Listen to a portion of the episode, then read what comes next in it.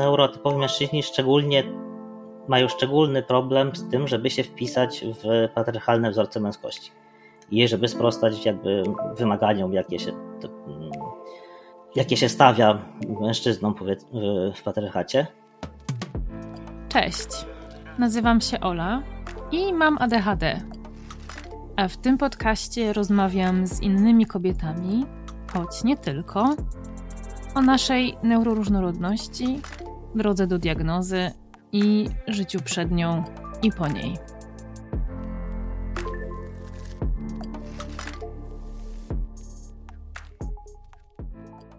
Cześć.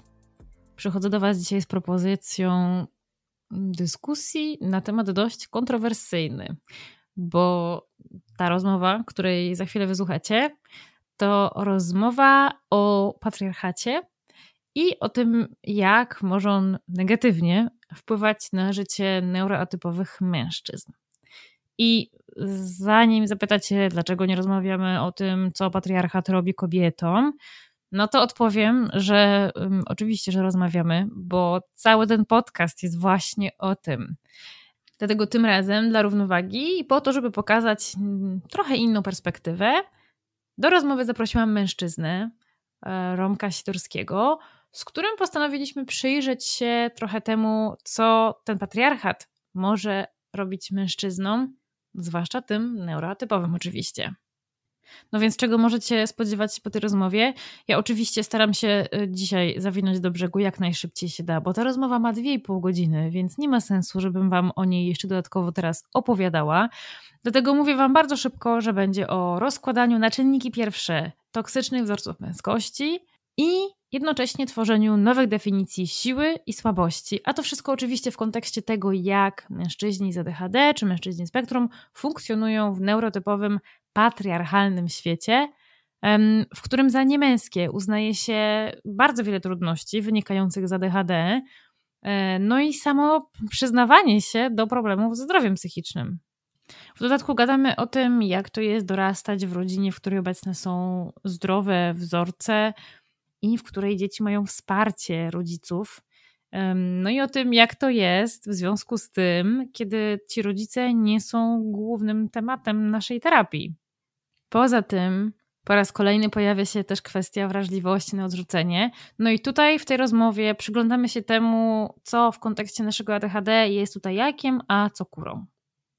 Zostawiam Was więc już z Romkiem, chociaż muszę przyznać, że jestem naprawdę bardzo ciekawa Waszych przemyśleń na ten temat. Dlatego, jeżeli macie ochotę się nimi podzielić, to wpadajcie na Instagrama albo na Facebooka i pod którymś z postów związanych z odcinkiem zostawcie komentarz, powiedzcie to o tym, co o tym myślicie. No jak zwykle ogromne dzięki dla wszystkich osób, które postawiły mi kawkę. Bardzo doceniam Wasze wsparcie. A jeśli macie ochotę to zrobić, to link znajdziecie jak zwykle w opisie tego odcinka. Cześć Romek. Cześć Ola. Powiem Ci na start, tak? że miałam w planie założyć dzisiaj moją nową koszulkę, którą sprezentował mi mój mąż, a na której Aha. widnieje mnóstwo zdjęć Romana Roya. jako taki statement trochę. Ale jednak tego nie zrobiłam, bo jest za gorąco, także odpuszczam ci.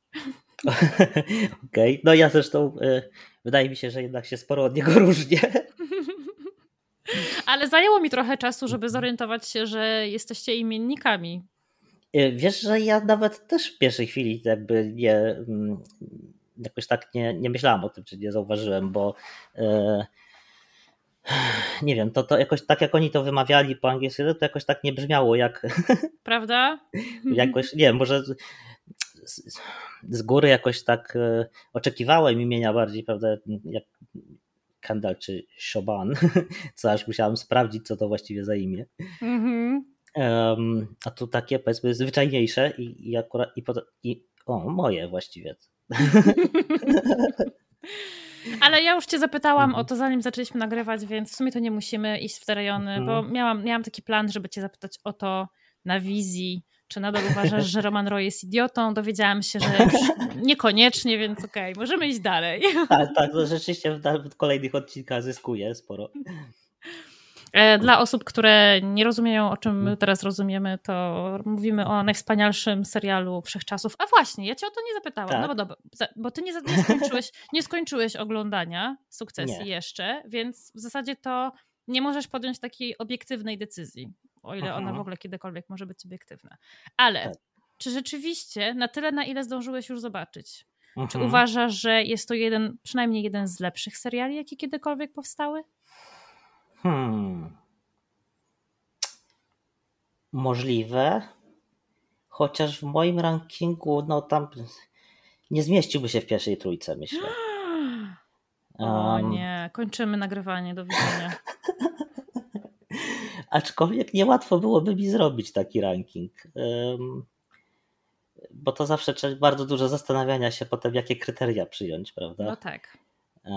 I i czy w ogóle można, czy, czy, czy jest sens łączyć seriale, powiedzmy takie, na przykład właśnie, mm, jak Sukcesja, mm, czy z, nie wiem, z jakimiś takimi bardziej popkulturowo-nerdowskimi, nie wiem, z jakimiś superbohaterskimi na przykład mhm. i, jakby, i uznać, że jeśli ten w swojej gatunku naprawdę są, jest wybitny, to czy można go postawić obok e, obok czegoś zupełnie innego, czy to ma sens też w tym sensie, że jakby może nie chodzi o to, że to jest gorsze jakieś, a to jest lepsze, tak wiesz, to nie to jest lepsza sztuka, że tak powiem, ale w, czy, czy, czy nie więcej sensu miałoby prawda, zrobić kilka kategorii i. Y, to prawda. To no prawda, tak. to jest bardzo trudne. To trochę tak jak e, no, porównywanie różnych, bardzo różnych, skrajnie różnych gatunków muzycznych nie? do siebie. Tak, dobra, no, dobra. Ja, ja nie jestem tu raz zwolennikiem takiego mówienia z kolei, że, bo czasem ludzie tak mówią, że no to jest, to jest coś zupełnie innego i nie można go porównywać, a jakby ja tak patrzę, to, to co można w ogóle porównywać? Prawda? E, natomiast e, trudno by mi było zrobić taki ranking. To jeszcze jedno pytanie o sukcesję, takie za 10 punktów. Mhm. Ale już bardziej nawiązujące do tego, o czym będziemy chcieli gadać. Tak. Czy myślisz, że gdyby nie patriarchat, to mhm. Shiv miałaby większą szansę na to, żeby, żeby przejąć imperium po tacie? Mm. Myślę, że on mógłby na nią inaczej patrzeć.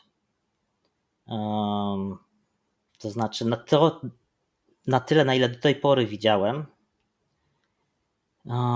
no to on ją jednak jakoś lekceważy. No on każdego lekceważy oczywiście, ale no, samo to, że ona Kendall miał swoją pozycję w firmie, już był, już był jakby przygotowany do przejęcia sterów.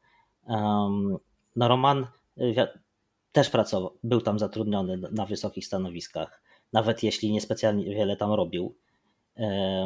Więc jakby tu tego najstarszego i najmłodszego on jakoś szykował do, y, prawda, do pracy w firmie, a jej, a jej nie. Trochę nie wiemy, na ile to jej wybór, a ile, na ile jego. Mhm. Chyba, że to się potem wyjaśnia. Um, no ale widać, że i nawet jak on jej oferuje tą niezbyt szczerze, że to ona zostanie tu następczynią, no to natychmiast potem, prawda, pokazuje jej, że tak naprawdę niczego nie wie i się nie liczy. Ona nawet kilka razy usłyszała wprost. Ja teraz już nie pamiętam, czy, on to był, mhm. czy ona to usłyszała od Logana, czy od swoich braci, ale ona usłyszała wprost, że to dlatego, że jesteś kobietą. Mhm. No właśnie. I to jest jakby. Tam jest taki wątek, że jeśli, nie wiem, kobieta jest potrzebna wtedy, kiedy jest, prawda, bo jest sprawa, że, że, że kobiety były molestowane i tak dalej, to trzeba wystawić kobietę, żeby o tak. tym mówiła i, i, i była twarzą firmy nagle. Mm, ale jakby, a poza tym to, to nie. Mm. mm. Tak, i no właśnie, więc y, pewnie miałaby większe szanse, tak. Chcesz wyjaśnić osobom, które tego słuchają i lub oglądają, dlaczego ja cię o ten patriarchat zapytałam?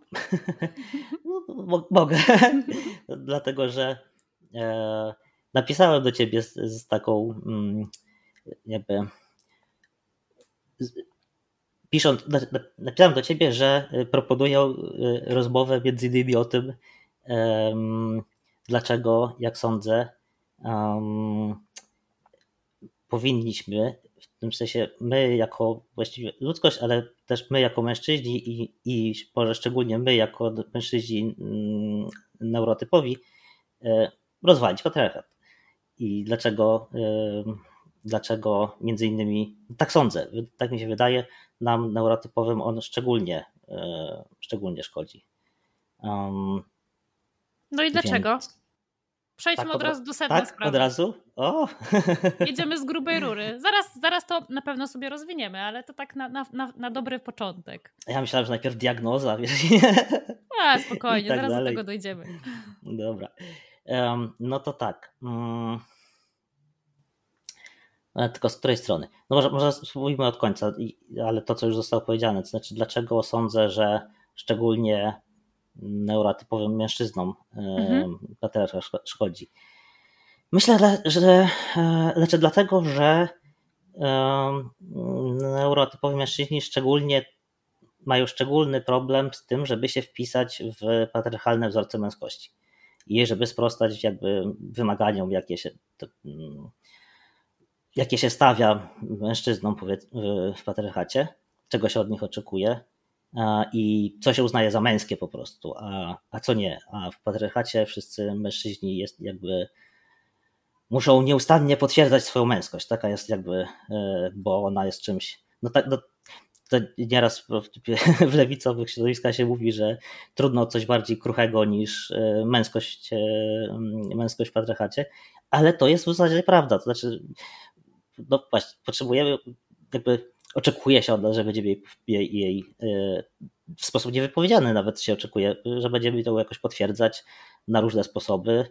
Um, I a z kolei, jeśli no, no spójrzmy, patrząc na przykład na DHD i jego standardowe, e, standardowe objawy i, i skutki, no to um, jeśli na przykład mamy problem ze skupieniem, z, z pracą, wykonywaniem tych wszystkich innych czynności i tak dalej, no to mamy dużo, e, często trudniejszą e, drogę kariery.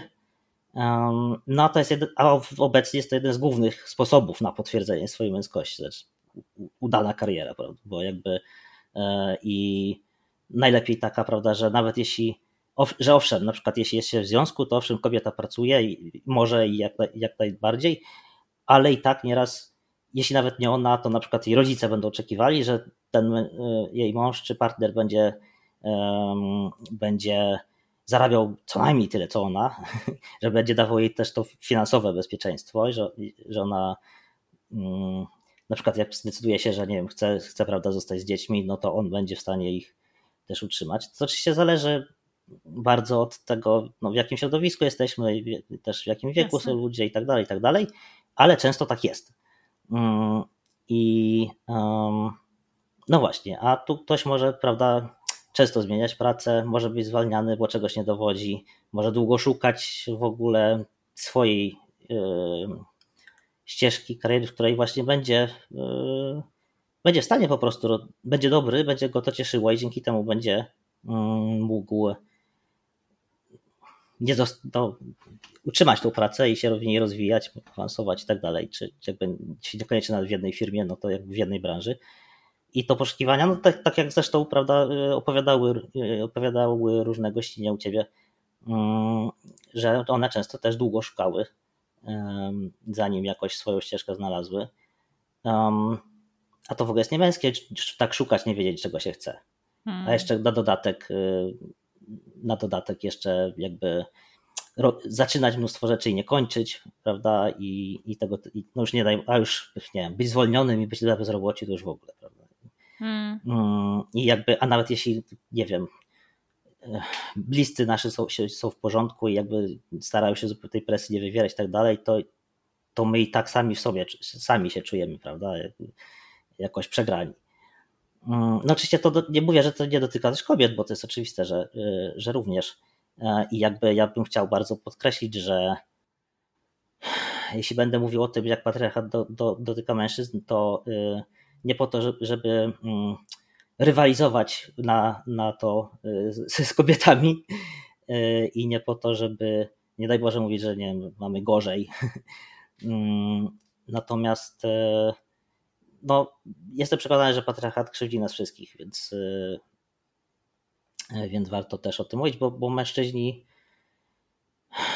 mężczyźni bardzo często szukają swoich rozwiązań swoich problemów, które wynikają z tego, w jakim systemie społecznym żyjemy, patriarchalnym. Szukają gdzieś jakby właśnie mm, nie w tym, nie w tym patriarchacie, tylko na przykład w kobietach szukają źródła ich problemów, prawda? Mhm. Zwłaszcza prawicowi mężczyźni. Tak, tak. No, zwłaszcza w środowisku incelskim. Tak jest. Um, albo e, no, no, też jako, jakiś czas temu w krytyce politycznej była taka rozmowa z założycielem Stowarzyszenia na Rzecz Chłopców i Mężczyzn bodaj.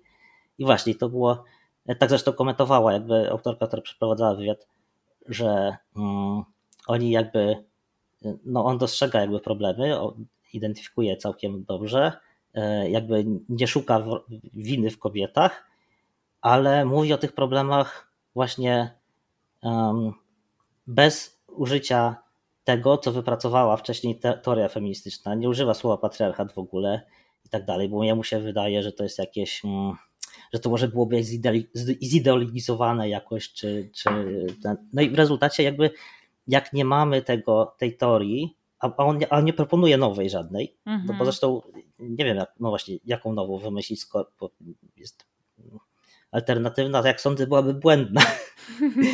No to skoro mamy już od, od dziesięcioleci e, rozwijaną teorię, która tłumaczy te wszystkie rzeczy i dzięki temu, że tłumaczy, to pozwala jakby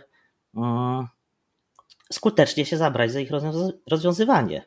Czy pozwalałaby, gdyby chcieć to robić, bo oczywiście kobiety mają od ponad 100 lat swój ruch e, najpierw emancypantek, sufrażystek, potem no, jakby teraz feministek, e, feministyczny ruch.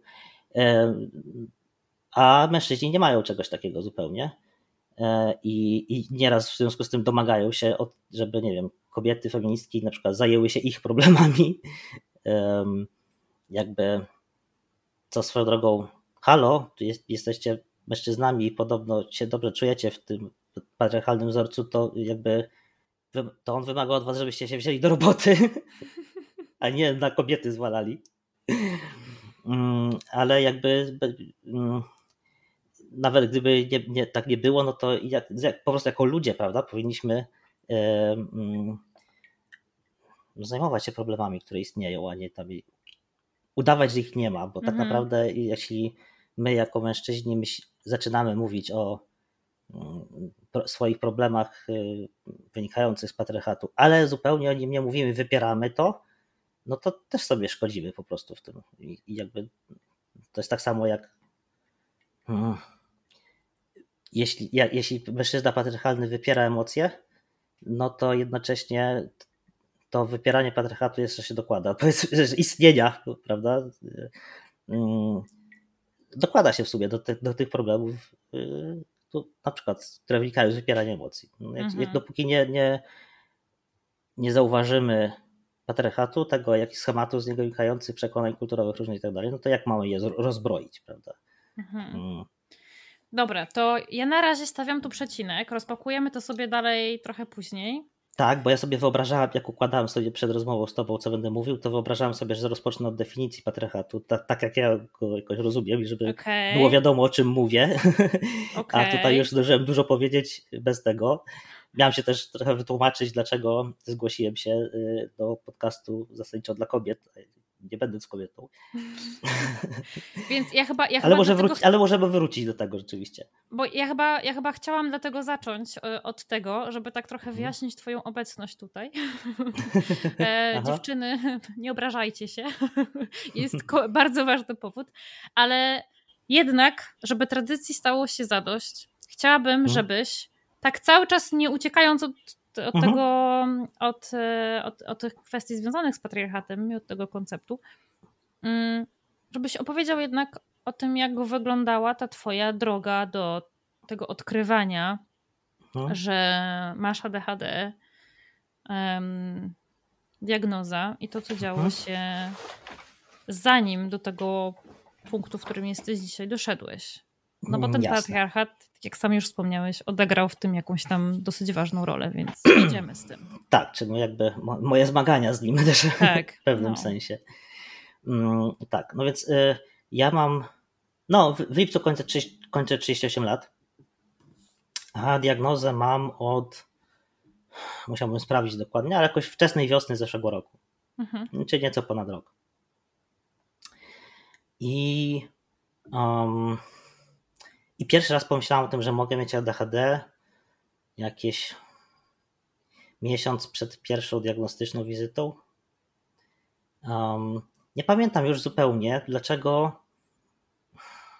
Najpierw wydaje mi się, że na jakiejś grupce na Facebooku, jak zajrzałem w jakąś dyskusję, był jakiś wpis i to pod, tym, pod nim dyskusja w komentarzach jakaś i ktoś tam wrzucił w komentarzu link do, do rozmowy na temat ADHD z psychiatrką, która się tym specy- ADHD u dorosłych się specjalizuje. Ja już nie pamiętam dlaczego kliknąłem ten link. Mhm. Podejrzewam, że nie dlatego, że podejrzewałam, że ja mam, tylko że nie wiem, zaciekawił mnie jakoś ten temat, Mhm. em, bo rzeczywiście nie wie- wiedziałam o DHD prawie nic. Em, I a ja, a mnie, no te, teraz łatwo to, mi to powiązać z ADHD, że mm, bardzo łatwo jest mnie czymś zainteresować.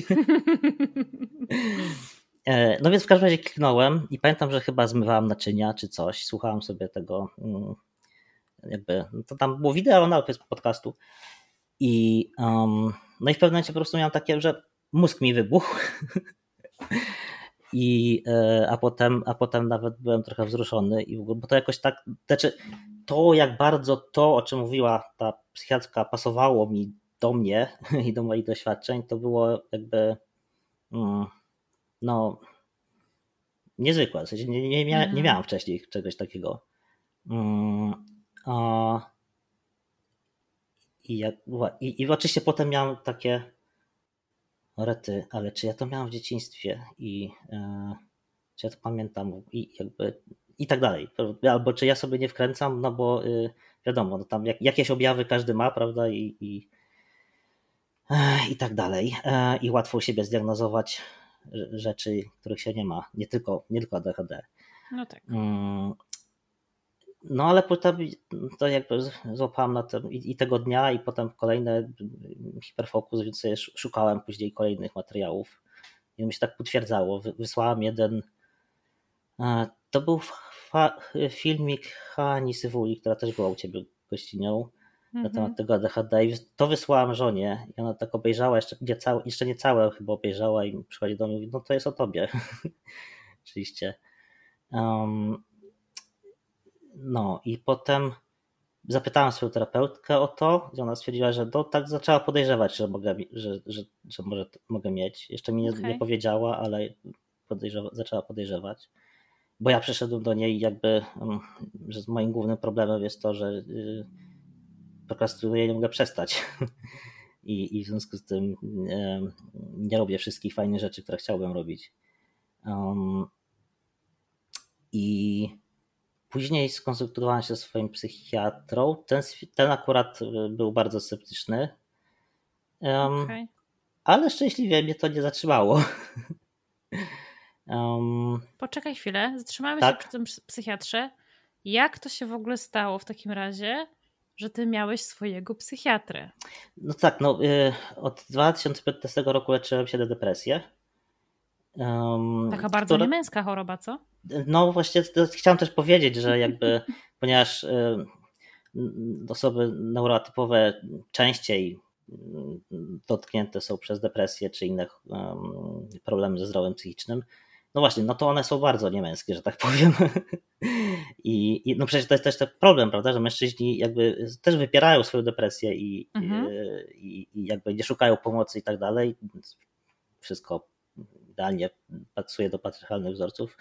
No a potem już, a potem się okazuje, że jak wypierasz, wypierasz, to w końcu, yy, to w końcu pękasz, no i na przykład strzelasz sobie w łeb. No. Mm, albo się wieszasz. I swoją drogą to, że mężczyźni wybierają takie środki, też jakoś wpisuje we wzorzec męskości. Prawda? Mm. Ale no jakby już tam mm, mniejsza. Um, I więc leczyły się te depresje, ale w ogóle może wrócę z kolei, żeby zrobić po kolei, to y, mhm. spróbować jakoś mimo ADHD to cofnąć się do dzieciństwa. Mhm. Chciałam, chciałam, też, y, chciałam też poruszyć ten temat, bo już e... gdzieś, tam, gdzieś tam coś o tym wspomniałeś. Tak, bo mm, znaczy ja się zupełnie nie dziwię, że jakby nikt, nikt nie zauważył i, nie, i mnie nie zdiagnozował, mhm. E, bo ja byłem zasadniczo, wiesz, że byłem bardzo dobrym uczniem, mhm. a po drugie E, byłem grzecznym chłopcem. E, ja byłem. Tak sobie teraz myślę, że akurat ja miałem rodziców, których uznawałem za autorytet. I wydaje mi się, że przez to on jakby się też trochę przeniósł na szkołę i jakby ja byłem tym dzieckiem, które jak w latach 90. puszczano jakieś takie mocno trącące już wtedy nawet myszką filmy edukacyjne o, o, narkotykach, jakie są złe, no to ja uznam, no dobra, są złe, to jest bez sensu brać narkotyki, bo jakby to jest głupie, bo jakby nie będę. I, i przyznam szczerze, że do tej pory nawet nawet nie wiem jak, e, znaczy na pewno zna, czu, czułem ten zapach, ale ja nie wiem jak pachnie marihuana, bo jakby um, bardzo to nie mówię, chłopiec. Tak, ja nie mówię, żeby się chwalić, tylko po prostu jakby mhm. e, nie byłem tym chłopcem biegającym, bijącym kolegów i tak dalej, tylko e, natomiast byłem chłopcem na przykład bardzo e, gadatliwym na lekcji, jak sądzę. Mm, natomiast byłem dobrym uczniem, więc mi to uchodziło na sucho. Mhm. Na przykład na matematyce w podstawówce mieliśmy matematykę z wychowawczynią. Ja siedziałam w pierwszej ławce, która była zetknięta z biurkiem nauczycielki. E, I my tam z kolegą no, rozmawialiśmy non-stop, ale siedzieliśmy tuż obok nauczycielki. Ona wiedziała, że my robimy te wszystkie zadania, które są do zrobienia. Czasem nawet trochę z nią rozmawialiśmy. Więc myśmy może często rozmawiali więcej niż ci tam na końcu sali, ale to tamci byli uciszani. Mm-hmm. I tylko z rzadka mi się zdarzało w jakichś różnych sytuacjach, że przegiąłem i wtedy nagle następował taki moment, że ktoś prawda, okazywał jakiś gniew na, y, jakiś, dostawałem jakiś e, ochrzan, powiedzmy, nie wiem, nauczycielki czy od kogoś. I wtedy dla mnie to był byłem tak w takim szoku, nie? Jakby, e, co się stało i dlaczego w ogóle. um, i, a ja miałam tą właściwość, znaczy umiejętność, czy, um, że jeśli ja rozmawiam, ja owszem rozmawiam na lekcji, ale ja zawsze wiedziałam, co się dzieje, w sensie co nauczyciel mówi mhm. i jakie są rzeczy do zrobienia. Jeśli mnie zapytał o coś, to ja znałam odpowiedź. Znaczy tylko wiedziałam, o co mnie pytać, że znałam odpowiedź. E, nawet jeśli całą lekcję e, pisaliśmy sobie z kolegami gdzieś tam z tyłu zeszytu jakieś wiadomości, rozmowy toczyliśmy takie na przykład tekstowe. W ósmej, znaczy gdzieś tam pod koniec podstawówki jeszcze kończyłem ośmioletnią jako ostatni rocznik e, przed reformą, którą teraz cofnięto. To y, miałem taki zwyczaj przez jakiś czas, że siadałem sobie wieczorem e, w dużym pokoju rodziców, e, zakładałem słuchawki na uszy, e, bo słuchałem sobie listy przewojów radiowej i leciały wiadomości, oglądałem wiadomości z tymi słuchawkami na uszach i robiłem zadanie domowe z matematyki. I po pół godziny miałem zrobione zadanie z matematyki, wiedziałem, co który polityk powiedział na jaki temat i które, który utwór był na którym miejscu w tej liście przebojów w końcówce. Wow. Um, i, I tak trochę, i właśnie na lekcji też tak, jakby można powiedzieć, funkcjonowałem, że potem w liceum w zasadzie też, ja pamiętam, że nieraz siadałem sobie tak gdzieś z boku i siadałem, i siadałem tak bokiem, że miałem widok na całą salę i jakby i mogłem mówić tu i tu do, do, do osób siedzących za mną przede mną Mm, więc nawet jak siedziałam sam w ławce, zdarzało się, to i tak nie byłem sam, można powiedzieć. I no właśnie.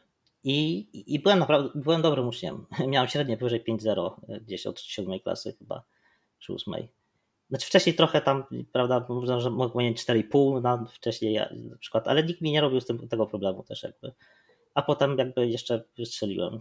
Um, ja byłem tym dzieckiem, które się wszystkim interesowało trochę rzeczywiście. E, I jak na przykład miały, wchodziły te przedmioty chyba w piątej klasie, biologia, fizyka, chemia, to ja się cieszyłem, bo mówiłem, że bo będą fajne rzeczy. E, na przykład biologia mi się kojarzyła bardziej z filmami przyrodniczymi niż nie wiem, z budową pantofelka.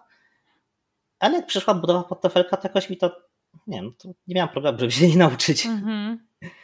I, i, i... Czyli, czyli byłeś w stanie uczyć się nawet tych rzeczy, które nie do końca cię interesowały? To znaczy, wiesz co, ja prawie się nie musiałam uczyć. Moja mama ma taką jedną z ulubionych anegdotek, jakiego ma fajnego syna, to, to znaczy, że kiedyś poszła do koleżanki, która, była ze mną, y, która miała córkę, która była ze mną w klasie i się dowiedziała tej koleżanki, że jej córka już chyba od tygodnia albo przynajmniej kilku dni przygot przygotowuje się do sprawdzianu z biologii jakiegoś strasznego, dużego i no, siedzi i wkuwa. Mhm. A mama mówi, kurczę, ja nic nie wiem, Romek nic nie mówił, że ma jakiś sprawdzian duży. No, wraca z tej koleżanki, ja już w łóżku leżę, ale jeszcze nie śpię. I mama mówi, Romek, jutro podobno będzie jakiś straszny sprawdzian. A ty nic nie, nie uczysz się, nie ten? mówię, co? A, tak, rzeczywiście jest. E, siadłem na łóżku, wyciągnąłem z plecaka mm, zeszyt czy podręcznik, zrobię tak. Zajęło mi to parę minut, no pamiętam wszystko. Włożyłem, piątkę dostałem z tego. Więc jakby ja, ja wszystko z lekcji pamiętałam. Um, Gifted i... child. No, jest głupio trochę o tym mówić, bo, że, że nie wiem, że miałam piątki w podstawówce, jakie to ma znaczenie, prawda? Ale, ale no, ma, ma, znaczenie w tym sensie, że no, no nikomu nie przyszło do głowy, że, mam, że, że mhm. mogę mieć coś. E, nawet w liceum e, polonistka przed maturą wysłała mnie do poradni pedagogiczno-psychologicznej, żeby zdiagnozowali mi dysgrafię i dysrotografię, którą rzeczywiście miałem, czy mam. Znaczy mojego pisania ja sam nie, nie przed chwilą, znaczy dzisiaj nawet patrzyłem do notesu z, z, gdzieś jeszcze z podstawówki właśnie, nie wiem dlaczego go nie wyrzuciłem trochę, no to, to, tego się nie, to ja sam nie jestem w stanie tego odczytać. Mm-hmm. Albo no, z dużym trudem mógłbym. I e, no, pojawienie się komputerów było wybawieniem. No. Ale właśnie maturę, nasza matura była jeszcze ostatni rocznik starej matury, więc miał, było 5 godzin chyba na napisanie dużego wypracowania z polskiego, a ja tak, miałem strach po pierwsze, że nie odczyta ktoś. Znaczy, że no to, ma, to na szczęście miała być moja polonistka, no bo tak wtedy to wyglądało.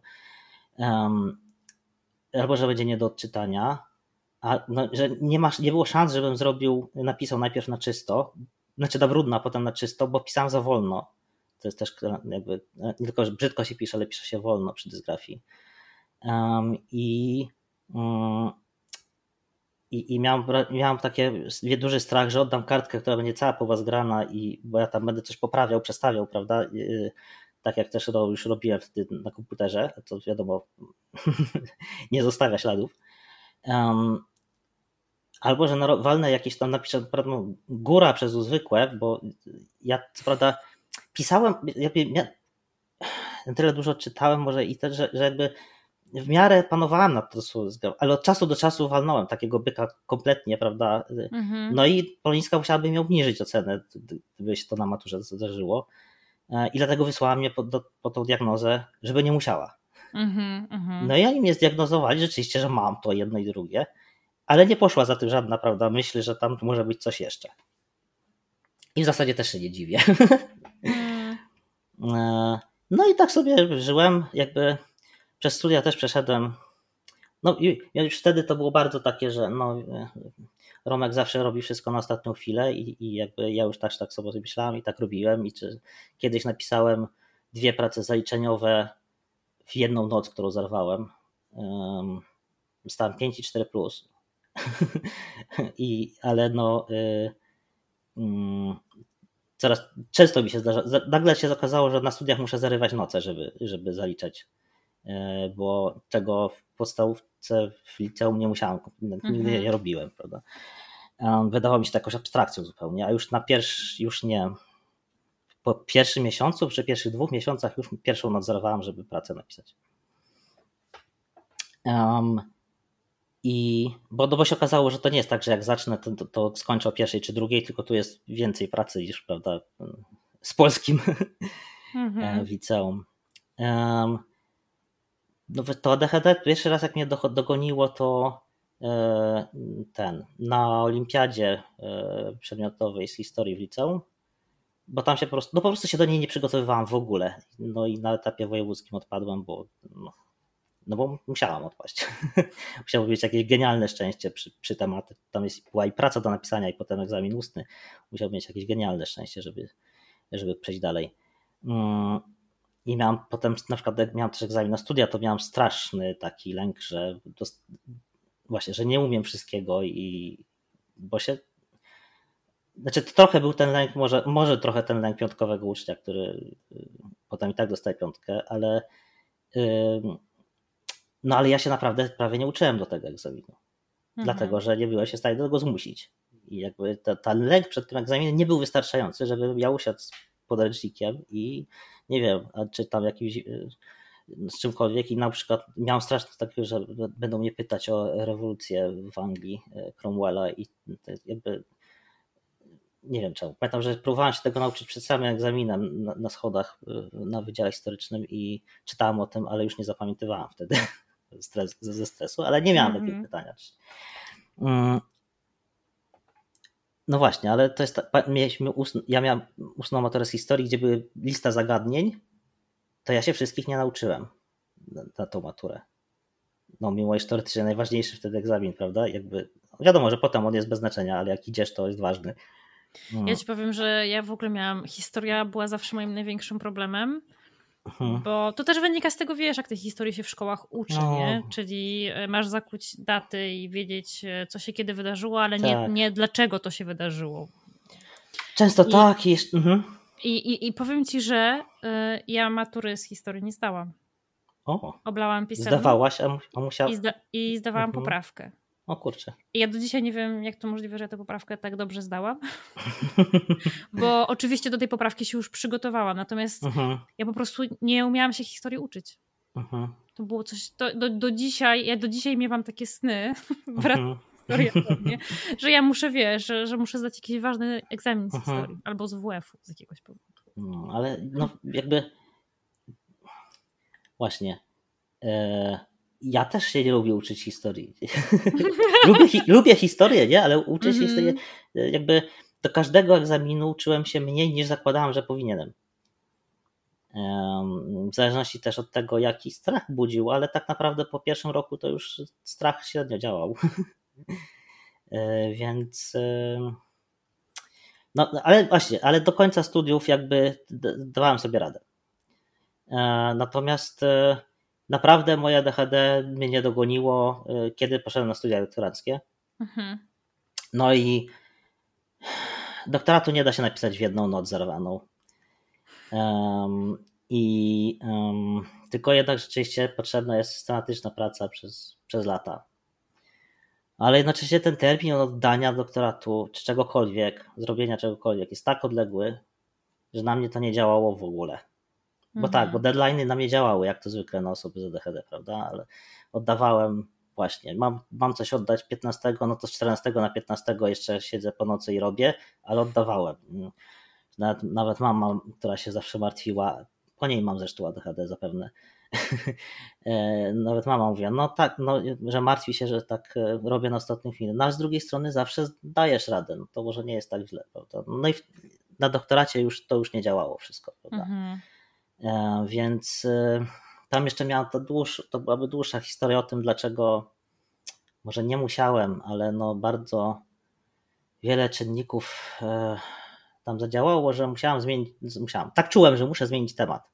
Mhm. I z tego, który mnie naprawdę fascynował w zasadzie od dzieciństwa, poszedłem w coś zupełnie innego, które interesowało mnie tak w połowie, powiedziałbym a w połowie nudziło śmiertelnie. No nie ja przez to. dobry przepis dla ADHD-owca. Gdybym wiedział, że mam ADHD, bym tego nie zrobił zapewne.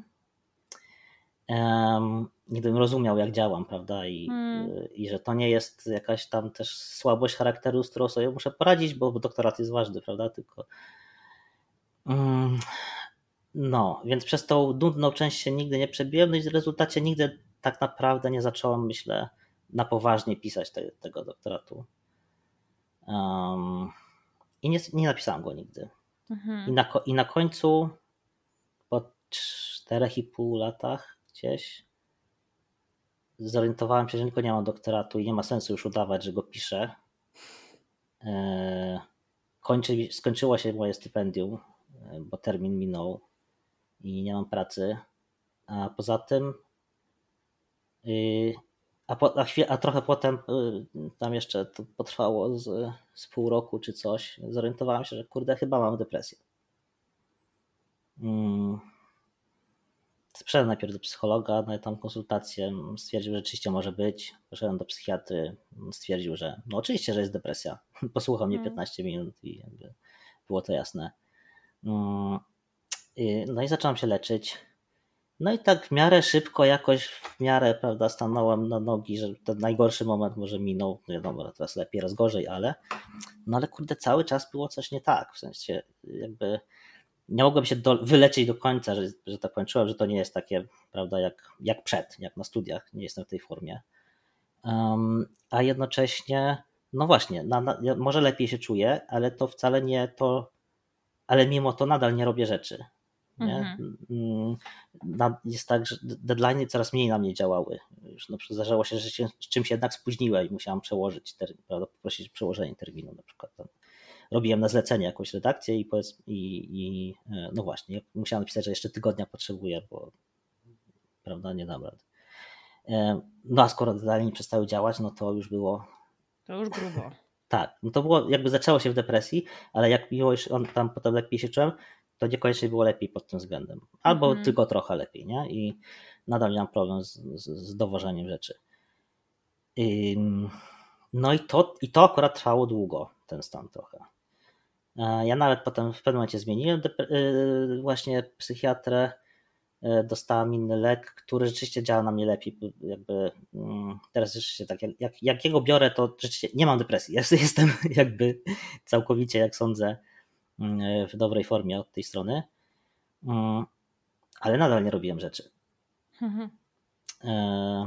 No, więc i nie wiedziałem o co chodzi. Ja już tak zacząłem sobie myśleć trochę że ja z tą prokrastynacją jestem jak e, uzależniony. E, I nie, nie tam od na przykład internetu czy czegoś, tylko jakby, jakby od prokrastynacji. Mm-hmm. I, i, I to było takie, no tak, ale co z tym zrobić? Jakby jak jesteś uzależniony od alkoholu, no to, to nie jest proste, ale musisz nie pić. A jak jesteś od prokrastynacji, to co masz zrobić właściwie? Ja, nie ja, prokrastynować, ja... proste. No nie, tak, no tak. tak. Jest, wiesz, jakby e, ja, ja byłem, e, ja się śmiałem, że jestem, byłem, jestem wybitnym teoretykiem, e, jeśli chodzi o zarządzanie zadaniami, nie wiem, sobą w czasie, walkę z prokrastynacją i tak dalej. Znam chyba wszystkie możliwe metody, jakie się zawsze poleca. Mm -hmm ale problemem nie jest to, czy je znasz, tylko czy jest, potrafisz się stosować konsekwentnie, albo wrócić do nich na przykład po wakacjach. Mm. Um, Oho, tak. Bo tak. ze mną też zawsze było, że jeśli już nawet zacząłem czegoś używać, to działało na przykład przez miesiąc i wydawało mi się, że już jest super i tak dalej, ale potem coś sprawiało, że wy, coś wybiło mnie z tego rytmu i potem to wystarczyło, że parę dni i potem już nie mogłem do tego wrócić. Tak. Um, no i dla osoby, która nie ma ADHD, to brzmi absurdalnie. To jakby, mhm. no weź usiądź i zrób to, nie? Przecież, przecież umiałeś przed chwilą. Tak, i w ogóle, no właśnie, więc to, to jest jakby. Um, ja sam jak o tym mówię, to tak, patrz, tak słucham siebie, no się, kurde, to brzmi, to brzmi idiotycznie, to jakby to nie ma sensu. I jak to wytłumaczyć komuś? Więc jak ten trafiłem na ten podcast o, o ADHD, to było mhm. ta, no właśnie, to było takie, że no, trochę mózg mi wybuchł, ale no wreszcie jakby nagle kurde, to ja wreszcie wiem o co, co czego mi brakowało w tym, nie? Jakby ja, ja leczyłem się od, tej depresji, no przecież to już było jakby 22 rok, no to z 7 lat, mhm. i, albo 6 co najmniej, już tam wchodząc w to. E, I ciągle było coś nie tego. Chodziłem na terapię i i trochę czułem, że stoję w miejscu. I jakby, no cholera, no. Y, trochę jakby już nie wiedziałam trochę, co może za chwilę, co, co dalej, nie? Mm. I tu, a tu się nagle okazało, że, że, że jednak jest jakieś wyjaśnienie i coś z tym można robić. Jestem no ciekawa no jednej rzeczy, zanim pójdziemy dalej. A, jeszcze powiem tylko jedną mhm. rzecz. Ten pierwszy mój psychiatra, właśnie ja mu tak powiedzmy, już się czułem lepiej i tak mu się tam któregoś razu no, tak bardziej trochę poskarżyłem właśnie na to, że się nie mogę skupić, czy na, na pracy, że, że prokrastynuję i tak dalej. I to jest jakby niezwykłe. I on stwierdził, no pan w sumie może mieć ADHD. To wiem pan, pan co, ja panu zapiszę takie tabletki. Yy, proszę się nie martwić, to jest, yy, to jest bezpieczne zupełnie, nie, wcale nie uzależnia. No i pan weźmie i zobaczy pan, jak to będzie. Bez jakiejś takiej diagnostyki, bez. Nic, ta wizyta trwała z 15 minut. E, to był bardzo ekscentryczny lekarz, e, który uważam bardzo inteligentny zresztą i bardzo, miał bardzo wysoką redukcję, to, to było widać. I wiecznie e, przychodziłem na godzinę jakoś tam i wiecznie się okazywało, że on jest spóźniony, bo on niby ma 15 minut na pacjenta, potrafi godzinę poświęcić komuś. A jakoś mnie nigdy nie poświęca. Ja się śmiałam, że on jest jak doktor House, a ja jestem nudnym przypadkiem być może. w każdym razie tak mi po prostu zapisał mi ten Medikinet, już nie pamiętam w jakiej wersji. Ja go tak wziąłem. No i to było, no tak, jakby wtedy nie, nie mierzyłem, no ale podnosi mi ciśnienie, mm, mhm. więc mm, no i tak potem mówię, mm, przychodzę i mówię, właśnie tak jak miałem wrażenie, że no po tym, po tym medikinecie, no to tak trochę czuję, jakby moje całe ciało było zestresowane. Nie głowa, tylko, prawda, y, tylko ciało się jest tak jakby w stresie dużym. Y, znaczy, tak się czuję, jak kiedy jest w stresie dużym. No a co do pracy, to jest tak, że no, jak zabiorę się do pracy, to rzeczywiście jestem na tym skupiony, ale jak nie, to jestem świetny w prokrastynacji. Jeszcze lepszy, nie? nie, lepiej się skupiam na tam, nie wiem, na czytaniu o czymś, o czym nie powinienem teraz czytać, ale to mnie zainteresowało. Um, więc to, i tak, no to, to nie chce pan? Nie. No i koniec, no tym się skończyło jakby, nie? Więc mogłem mieć tą diagnozę, nie wiem, 5 lat wcześniej być może, 4. Wow, no. No, ale ponieważ on nie pociągnął tematu, ja nie miałem pojęcia. Jak on rzucił to hasło DHD, to ja był takie, co? Co, no, co znowu wymyśla ten ekscentryczny facet? Mm-hmm. Więc też, jest, no teraz tak myślę, kurde, chłopie, tak cię wszystko interesuje, a to DHD nie mogło cię zainteresować. Ale że tego lekarza nie zainteresowało bardziej. I to, wiesz, no to swoją drogą, nie, że powinien albo, albo zrobić mi tą diagnozę, albo wysłać mnie na nią, prawda? Tak, tak. No, oczywiście tak. wtedy to jakby, no właśnie, to było 2017 myślę, że najdalej, więc jakby jeszcze przed powiedzmy całym boomem, mhm. bo ja, no właśnie, no to, to, też się pojawiało u Ciebie w rozmowach nieraz, prawda, że um, ja takie, spotkaliśmy się kiedyś w Poznaniu w takim, takim grupie ADHD-owej, ja tak Cię pytam, ej, jest tu ktoś, kto ma diagnozę dłużej niż dwa lata? Mm. I nie było. Mm. No to rzadkie przypadki. I, i jakby tak, jakby ja, ja, tak, ja cały czas teraz poznaję ludzi, którzy właśnie albo dopiero co, albo albo właśnie są w trakcie, mm, albo mają krócej niż rok, nawet krócej niż ja nawet. I to w różnym wieku, trzeba przyznać bardzo. W moim, ale i powiedzmy tam dwudziestolatków, i te jakby myślę sobie, no mają szczęście, że oni już w tym wieku jakby mają lepszy dostęp. W ogóle, tak. że można natrafić na te informacje, jak się gdzieś tam w sieci kręci. Tak, tak, tak. Um, bo jakby no, na, można powiedzieć, że najpierw mieliśmy y, tak, że zaczęło się w internecie mówić o depresji, y, no, powiedzmy o chorobie afektywnej dwubiegunowej, zaburzeniach lękowych. No a potem się, a teraz szczęśliwie, do, no, potem chyba na, trochę zaczęło się wcześniej mówić o, więcej o, o spektrum autyzmu, a potem doszło to ADHD. Tak. No, co oczywiście tak, potem, że moda i tak dalej. Znaczy, jakby trochę nie negując, że to ma jakieś znaczenie y, i, i, i może jest trochę, może nawet błędnych diagnoz, tylko no, nie robi się problemu, jak są takiego, jakie są błędne diagnozy, y, właśnie ten E, afektywnej dwubiegunowej, błędne diagnozy, zaburzenia borderline i tak dalej u osób z ADHD. Ja ci powiem, powiem ci, że jak rozmawiam z... Tylko z jakiegoś powodu, tylko ta diagnoza ADHD jest takim problemem, że tak może być błędna. Mhm. Ja, ja, myślę, że to chodzi może o to, o te stymulanty, wiesz? Ja myślę, że mhm. tu, tutaj ludzie widzą zagrożenie, że ludzie po prostu chcą mieć dostęp do tak. do nielegalnych środków, ale... Co, ja, ja, ja, ja się zastanawiałam trochę, znaczy ja nie znam, jak mówiłem, więc ja nie mam pojęcia, ale ja bym się nie zdziwił, jakby do, na czarnym rynku dostęp do amfetaminy był tańszy niż do. Y, no jest, ja o tym Do właśnie... w takich dawkach, żeby się naćpać naprawdę, a nie. Dokładnie, dokładnie tak jest. dokładnie tak jest. E, ale ja ci powiem, że jak rozmawiam ze specjalistkami głównie, bo raczej mhm. mam, jestem w kontakcie z kobietami, które naprawdę się znają na ADHD mhm. i robią przezajebistą robotę, to one zgodnie prawie wszystkie mhm. mają, tak, są, mają taką opinię, że lepiej jest trochę przediagnozować mhm. niż niedodiagnozować. Mhm.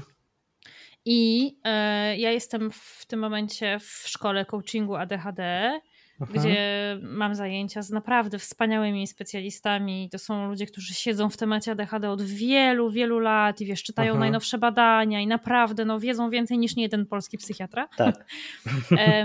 I tam jest bardzo podobna opinia wyrażana, nie? Czyli Aha. E, zgadza się w Stanach, w Stanach zwłaszcza, bo w Polsce jeszcze, jeszcze nie jesteśmy w tym momencie, ale w Stanach rzeczywiście ADHD bywa przediagnozowane, zwłaszcza u dzieci, mhm. natomiast z drugiej strony jest jednocześnie bardzo niedodiagnozowane i to jest większym mhm. zagrożeniem tak. niż Tym to, bardziej... że tam dwie osoby dostaną tak, bo jakby, ADHD. No bo jak ktoś dostanie ten y, y, czy to, czy to metylofenidat, czy dostanie tą amfetaminę w postaci tam, y, nie wiem, jak, się, jak, to, jak to się nazywa, Aderal, tak? mhm. no to zaszkodzi mu dużo mniej, jeśli, niż jak będzie brał jakieś, nie no, ma, ma na przykład zaburzenia rękowe z, związane z ADHD i będzie dostawał bezdiazepiny na przykład, y, no to myślę, Poza że tym takie osoby potencjalnie dużo gorzej.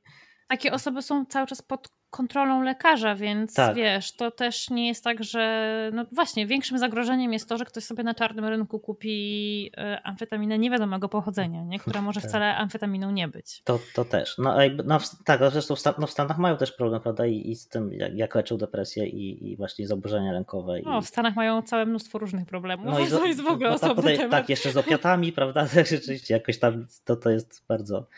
Um, to na, na, nawet, nawet, e, nawet tam w przypadku jakby ten Adderall czy coś, no jakby jest niżej na liście problemów na pewno. Tak, tak. Ale ja chciałam się zatrzymać na jednej rzeczy, bo ciekawi mhm. mnie to, e, czy ty jako taki mężczyzna dość świadomy, jak słyszę wie, wielu rzeczy, czy ty mimo wszystko miałeś jakieś opory przed tym, żeby iść po pomoc, żeby iść do psychiatry, żeby hmm. iść do psychologa, do terapeuty? E, ja w zasadzie nie. To znaczy, mm, to na to musiałem jakoś się specjalnie przełamywać. To znaczy, no, mm, dla mnie było jasne, że jeśli jest się chorym, to się idzie do lekarza.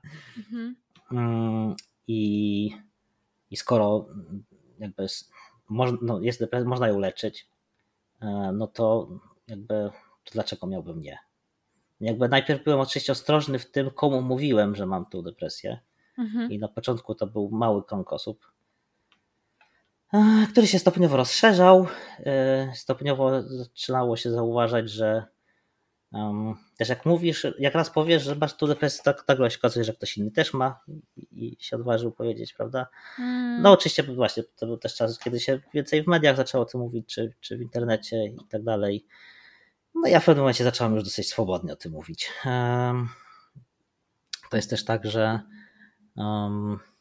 no i, teraz mam takie jakby, teraz się ze sobą rozmawiam i wiem, że to jakby pójdzie prawda pójdzie w internet i będzie miało wielu słuchaczy e, i nie do końca wiem kogo, mm, to jak na przykład już nie mam takiego poczucia, że mówię o bardzo prywatnych rzeczach i muszę się bardzo odsłonić, bo jakby już mam te kwestie dosyć przerobione, przemyślane, oswojone, i jakby no, mogę o tym o depresji mogę powiedzieć tak samo jak o tych o maturze, powiedzmy.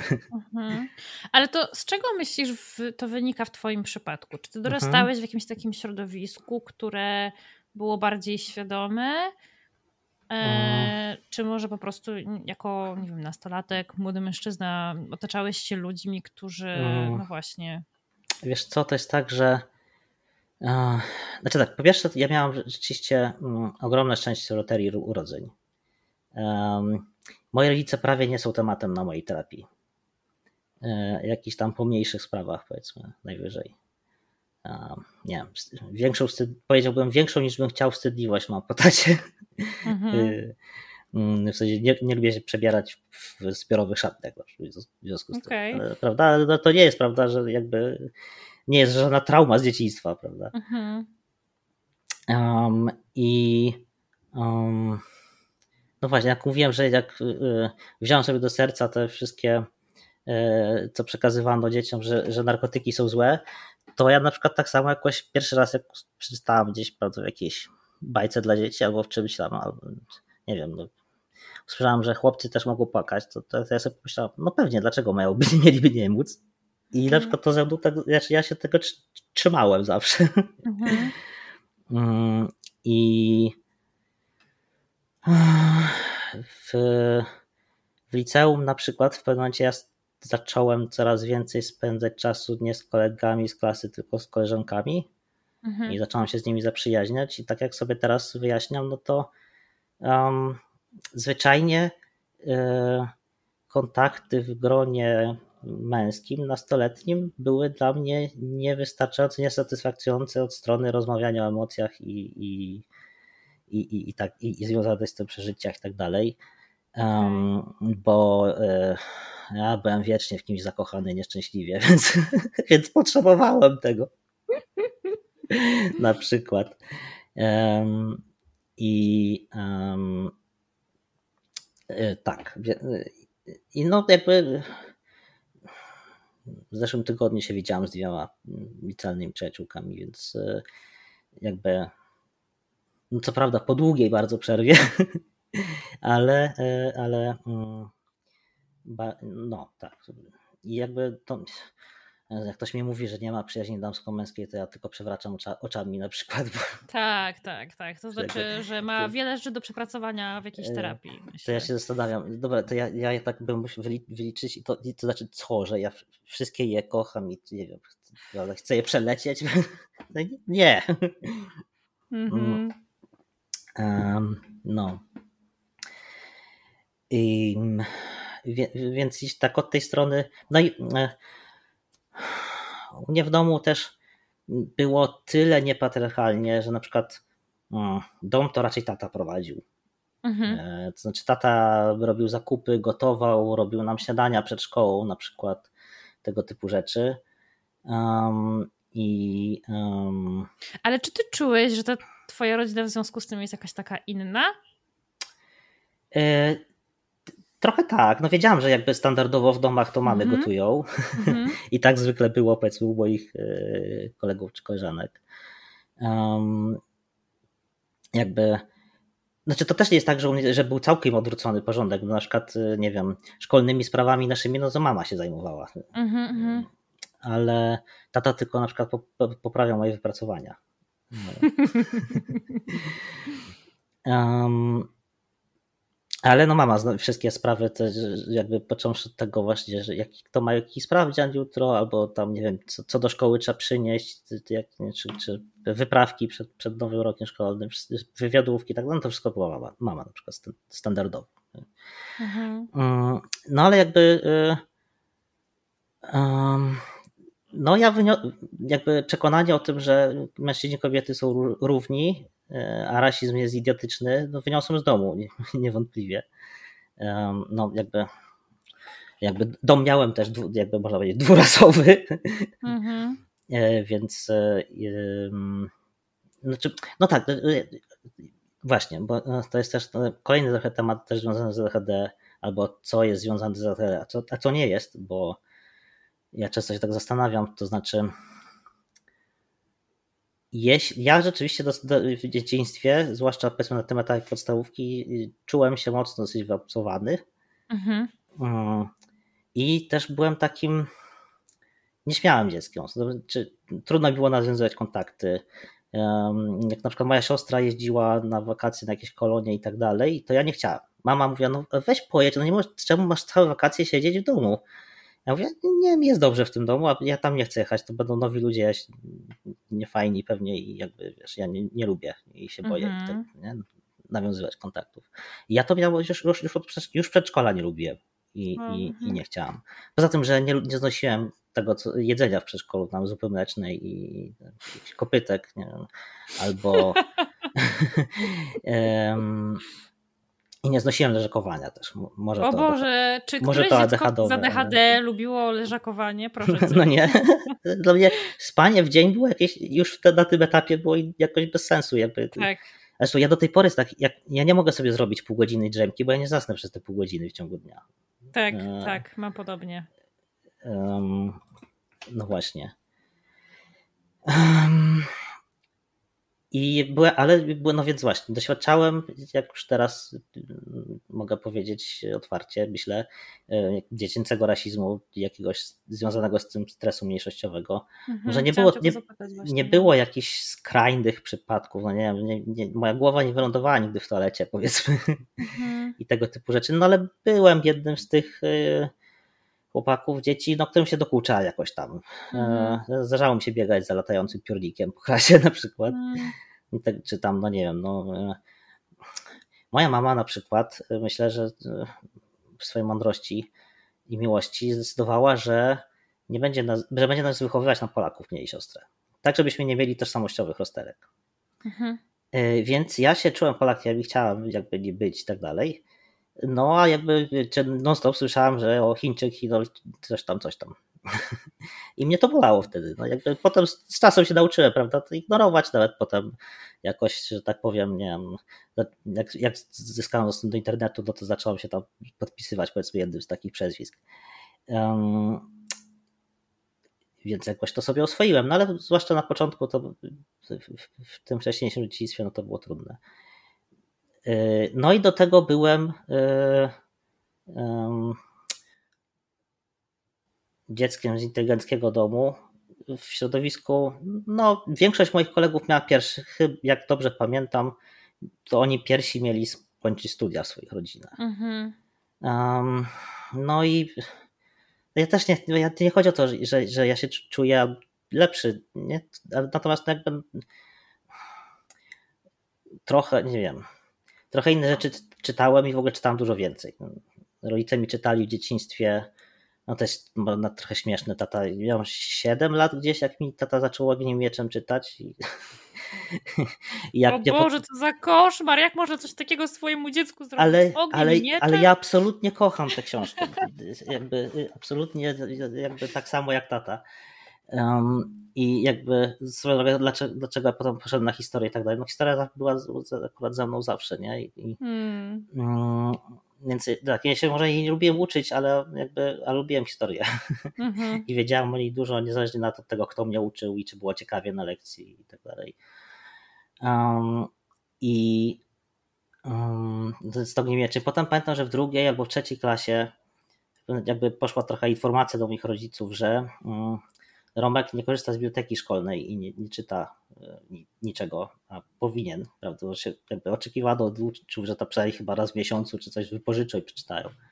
No i zostałem wezwany trochę do tej biblioteki na rozmowę. No i ja to poszedłem i tłumaczyłem, że no ja mam książki w domu i czytam sobie inne, tam jakieś inne rzeczy. To jakieś te lektury wtedy, nie wiem, pamiętam na przykład, że ten obcy był taką lekturą i ja chyba tego nie przeczytałem. To mnie tak nudziło straszliwie, że tak się węczyłem na to. No, ogniem mieczem to nie jest, za mało się działo pewnie. No nie, no wiesz, to, to jest tak, że dziecięcych nie chciałem, bo nie wiem, dzieci z Bullerbyn to owszem, bardzo lubiłem na przykład, czy Pipi Pończeszankę, ale yy, ale no, niektóre z tych rzeczy były jakieś nie, dla mnie straszne. I, yy, no i, i powiedziałam że to jest zdumionej bibliotekarce, że ja tu na przykład, wtedy już miałam, pamiętam, tu całą trylogię chyba dwa razy przeczytaną i ona tak, oczywiście najpierw tak miała problem, żeby w to, w to uwierzyć, ale odpytała mnie z, z tego, okazało się, że no, musiałam czytać, nie? Zwłaszcza, nie wiem, Ogniem Mieczem filmu jeszcze nie było nawet. Mm-hmm. A zresztą no, wiedziałam rzeczy, których nie ma w filmach, nie? No to, yy, no to potem miałam, wiesz, ekskluzywny, na przykład mogłem sobie wejść za kontuarek między półki i sam sobie wybierać, co chcę czytać. I yy, no, yy, i potem, już miał, i potem miałem spokój z biblioteką jakby i nie czytam. No więc właśnie, ja miałem dzieckiem z ADHD, które potrafi, nie wiem, lubiłem czytać, więc może łapałem hiperfokus. Kiedyś Kwowadis przeczytałem w jeden dzień, jak byłem chory i leżałem w łóżku. I... I przeczytałem dla przyjemności, nie dlatego, że było lekturą, bo to jeszcze Mhm. miało być dużo później. E, I, e, a niektóre książki czytałem. Pan są moi tamtarusze, to była moja. Czytałem ją ze 20 razy chyba. Nie wiem, czy to jest jakieś atyp, neurotypowe, ale, ale tak Chyba miałem. trochę jest, to jest tak jak ze, ze słuchaniem tej samej muzyki na Mhm. zapętleniu. Ja też, e, też czytałam te same książki po wiele razy w Mhm. dzieciństwie, także tak. No, em, tak, więc no to tak niestereotypowo było, jeśli chodzi o to. Rzeczywiście potem na studiach zaczęło się tak, no to już trochę w liceum. Wtedy się pojawił komputer, internet, który był takim dużym prawda, konkurentem dla czytania. No i to wtedy się zdarzało, że nie przeczytałem lektury na czas jakiś. Na przykład. Em, To, to jeśli to też a propos obja- objawów ADHD, nie? No, ale no nadal byłem dobrym uczniem. A z polskiego Mm. to już w ogóle. Nie? A Em, jestem ciekawa takiej jednej rzeczy. Tak trochę chcę wrócić do tego, co mówiłeś o tym, że ci dokuczano. mhm. Czy zastanawiałeś się wtedy albo teraz może nad tym, czy dokuczano ci dlatego, że byłeś inny w znaczy- sensie Mhm. pochodzenia? Mi się wydaje, że to, to najbardziej. Poczekaj, To poczekaj. takie, mhm. Czy-. Trochę, czy trochę również dlatego, że byłeś Mhm. inny, bo byłeś wrażliwym chłopcem, który płacze, Mhm. mówi o emocjach i kumpluje się z dziewczynami. Znaczy, w podstawówce to jeszcze tak nie było może z tymi dziewczynami. Okej. E, natomiast e, no, byłem pewnie tą ofiarą, która jakoś się przejmuje tym, co się. Mhm. To stopniowo coraz mniej, no ale jakby pewnie trochę byłem tym, no, jak- no wiadomo, to teoretycznie ignoruj nic nie, nie tego, no to się odczepiał, bo nie ma zabawy. Em, co prawda wydaje mi się, że to niezbyt działało, jak próbowałem, y, ale nie wiem, no może jak już, no bo nie wiem, to się pe- pewnie się wyczuł, jakby um, drapieżnik wyczuwa ofiarę. Mhm, tak. Nawet pewnie, nawet w takim tym kontekście. A jak, Mhm. jak mówię, no też nie było to takie ekstremum, prawda? Jakby to, to, to, um, to, to, to nie była najgorsza podstawówka i mógłby być dużo gorszy ten bullying, jakbyśmy Mm. może dzisiaj powiedzieli. Mm, Więc to też nie jest tak, że wyszedłem z wielką traumą z tej podstawówki, mm, ale z jakimś tam doświadczeniem. Ja tak cały czas się zastanawiam trochę, co, co, pewnie to wszystko jakoś się składało. Może, może też jakieś moje cechy ADHD-owe sprawiały, że um, no miałem tych, miałem mniej tych kolegów bliskich, um, Mhm. a przy tym często się tak czułem, że na przykład, na przykład była praca w parach. To nieraz było tak, że ja ten jeden zostawałem, wiesz, to, że jakoś z trójki na przykład to ja zostaję ten poza parą na przykład. Mhm. E, I, I w zasadzie nie wiem, dlaczego tak się układa. No może po prostu no, też ma, jakby nikt nie ma obowiązku lubić mnie ba- bardziej, czy tak samo jak kogoś innego, prawda? E, Może miałem trochę takiego pecha. Um, a może byłem trochę bardziej irytujący czas, prawda, czasem w obyciu. Um, myślę, że trochę mogłem być. Um, Ale czułeś później, później w liceum się okazało na przykład, że w związku z tym, że tylko ja wtedy myślałem, że to bardziej dlatego, że jestem chłopakiem. Mhm, E, To mhm. znaczy, jak zaczęłam przebywać z dziewczynami, no to zaczęło się okazywać, że ja nie, mm, nie czytam ich niewerbalnej komunikacji. E, Mhm. Nie rozumiem aluzji, jakie jakieś tam się pojawiają w ich e, mm, w tym, co mówią, czy to między sobą, czy do mnie. Mhm. Że mm, jakby to, a, a czasami z kolei no jak coś palniesz, to po prostu Mhm. i ja myślałem, że to jest bardziej, że no bo jestem, nie, ja nie, przebywałem tyle z dziewczynami, no to nie, nie łapię ich, prawda, e, ich komunikacji. Um, a, a teraz myślę, że no jakoś się do tego ADHD dołożyło, to znaczy ja do tej pory jestem na pewno mniej lub bardziej jakoś socially awkward i um, no i nie, nie czytam z ludzi tyle, co inni. A, zwłaszcza no, moja była żona, moja żona czyta w ludziach jako w, w otwartej księdze. Naprawdę. I znaczy była żona. Em, I nie bywało tak, że na przykład byliśmy u jakichś znajomych i tam jakieś tam no, rozmawialiśmy, coś tam, coś tam. E, I potem sobie wracamy i ona mi mówi Romku, słuchaj, jak wtedy powiedziałeś coś tam, coś tam, to ona myślała coś tam, coś tam. I później coś tam, coś tam. ja się. Co? Jak, jak, jak to? Jak, jakby... Naprawdę? Jakby, tak kompletnie wiesz, i, i, to, i to jak powiedzmy, że, że, to co powiedziała mogło być tak odebrane, ale że mhm. jakby i, i, że ona tak dobrze rozumiała potem, co ta druga osoba no bo ona powiedzmy znała ją też dobrze, więc wiadomo, że pomaga, ale co, co, co myślała i jakby, nie wiem, z jakimi jej przekonaniami to jakoś tam mm-hmm, zarezonowało mm-hmm. niekoniecznie pozytywnie i tak dalej. Jak to? Ale mm. on tak mówi, kurde, to ma sens, to mówisz, tylko... Dobra, może rzeczywiście no, widziałem, że może, trosze, może trochę była poirytowana, ale kurde, naprawdę. Mm. Y, więc i, i, ja to wiesz, jakby tak jak wtedy myślałem, że to, to bardziej, bardziej dlatego, że jestem chłopakiem, y, a trochę dlatego, że właśnie no, no, no byłem tym, który nie jeździł na kolonie na przykład, zasadniczo miał, miał trochę mniej socjalizacji, wiedziałem, że miałem, miałem mniej, prawda? Mm-hmm. Um, czy no właśnie do tego przedszkola chodziłem dużo mniej. No moja siostra do, pod tym względem jest kompletnym kompletną odwrotnością. Ona zawsze natychmiast kontakt łapała z każdym i jakby się świetnie czuła w nowych środowiskach, lubiła przedszkole i tak, da, i, i tak dalej. Mhm. Um, to zresztą tak jest taki przyczynek, jak bardzo rodzeństwo się może różnić. Oj, tak. Siostra zupełnie nie ma pociągu do historii też. Mogłoby się wydawać, że u mnie w domu było tego pełno i tak dalej, nie dało się, nie, ale nie. Yy,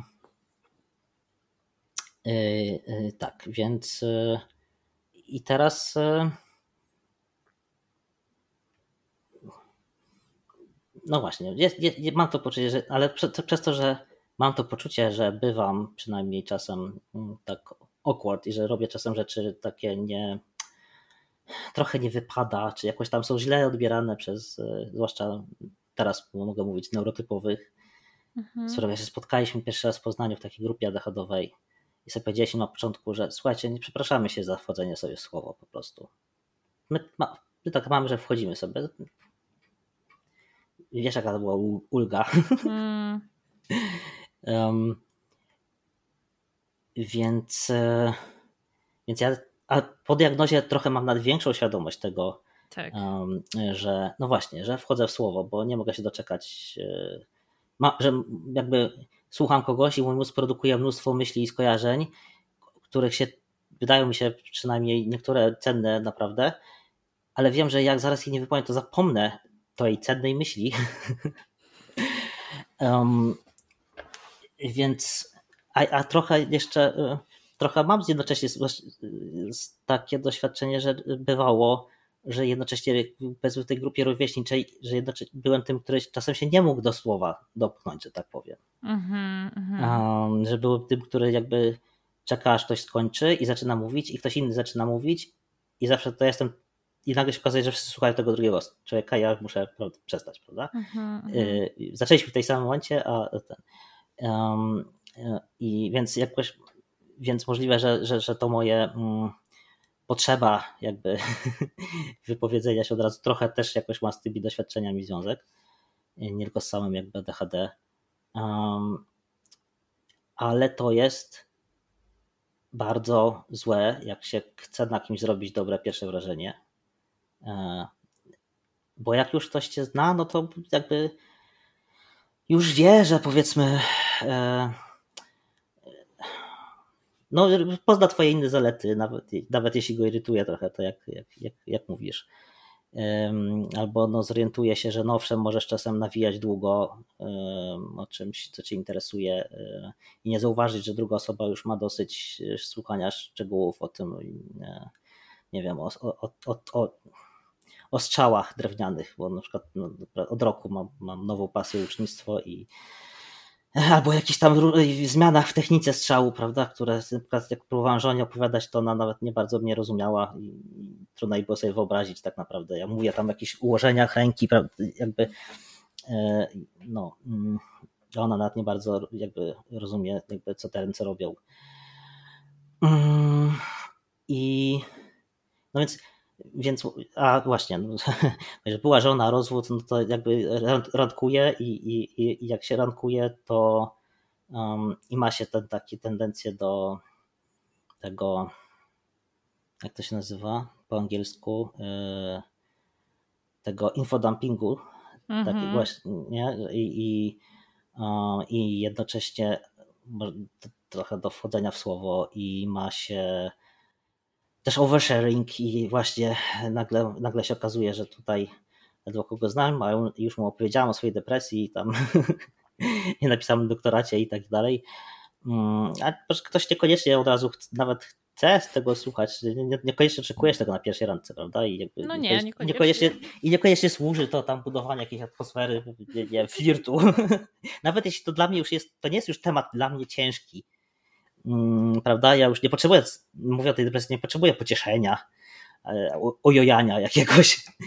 Mm, no ale ta druga osoba może to, no, nie wiedzieć, co z tym zrobić trochę, prawda? Że, jak się odnieść do tego, wiadomo. E, więc e, i to zakłopotanie takie nie, nie pomaga na pewno. No, zwłaszcza na pierwszej randce. To zwłaszcza, tak. prawda? No, no. Więc ja się tego cały czas muszę uczyć, ale ponieważ mam tu świadomość, że robię takie rzeczy, to czasem z kolei uprawiam autosabotaż typu ta moja jakaś wada, czy ten jeszcze się nie ujawniła, mhm. ale ja już uprzedzam, że może i jakby z góry tak przepraszam trochę. Um, I w ogóle jak się za dużo przeprasza, to, to też nie jest dobrze, a zwłaszcza się z mężczyzną, zdaje się. Chyba za dużo, wydaje mi się, że przepraszanie zbyt często jest niemęskie. Um, i, I czy tak jest odbierane jakby trochę. Mm -hmm, I bo wychodzi, że jakby no, nie ma tej pewności, masz człowieka, który nie ma tej pewności siebie, prawda? Jakoś y, y, z jakiegoś zdecydowania i tak dalej.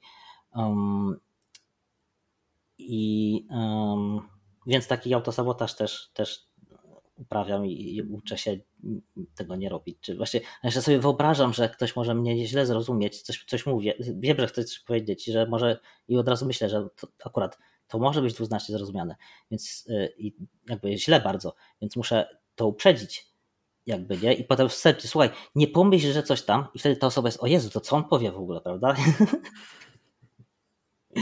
E, a potem się okazuje, że wcale niekoniecznie było to takie o Jezu.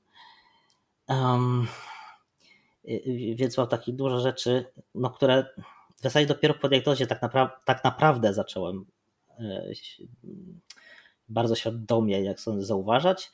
Mhm i starać się eliminować, no co oczywiście jest trudne, wymaga dużego wysiłku, w sensie no, no, ciągłe pamiętanie o tym, prawda, jakieś kontrolowanie siebie. No tak, to też nie do jakby, końca o to chodzi. Tak, nie, nie, chcę się może przesadzie skarżyć, no ale jakby no to jest jedna z tych rzeczy, prawda, która jest łatwo oczywista i, nie, i, i dla, dla większości ludzi, a, a, a dla nas jest tak. zaskakująco trudna i, tak, i jest trudno tak, to tak. wyjaśnić, dlaczego to jest takie trudne, że no skoro to wiesz, to dlaczego w zasadzie nadal to robisz? Znowuż, prawda? Tak, tak, tak, tak, tak, to, jest, tak to jest widziane, mhm. tak to jest odbierane zdecydowanie. A ja chciałabym trochę za, za, zatoczyć koło mhm. i wrócić do tematu wyjściowego. Nie sukcesji, ale, ale do tego patriarchatu. Patriarchatu, no właśnie. E, bo jestem ciekawa, mhm kiedy ty zacząłeś czuć, że ten patriarchat cię uwiera? Um, no tak, na pewno uwierał mnie już w liceum. Natomiast wtedy jeszcze tego od, nie myślałam wtedy, że to patriarchat. Mm-hmm. W sensie, no wtedy myślałam, że właśnie um, że uwiera mnie to, że nie wiem, jest jakoś dziwny, nie wiem, że się myśli o mnie jako jakimś dziwnym człowieku, że właśnie z tymi dziewczynami tak prześladuje. Mhm. że nie wiem. Um, jakż to. No, jakby, że. że um, um, myślę, że tam mogło być gdzieś takie postrzeganie, prawda, że jestem, nie wiem. Wtedy jeszcze się nie używało chyba, ale że, że gdzie wylądowałem w friendzonie, jestem tym wykorzystywanym w jakiś sposób mhm. chłopakiem, prawda? I takie, kiedyś tam jeden kolega z klasy tak powiedział, tak, no, po co ci to? Jakby, nie? Co ty z tego masz? Jakby, coś, coś, coś na stylu.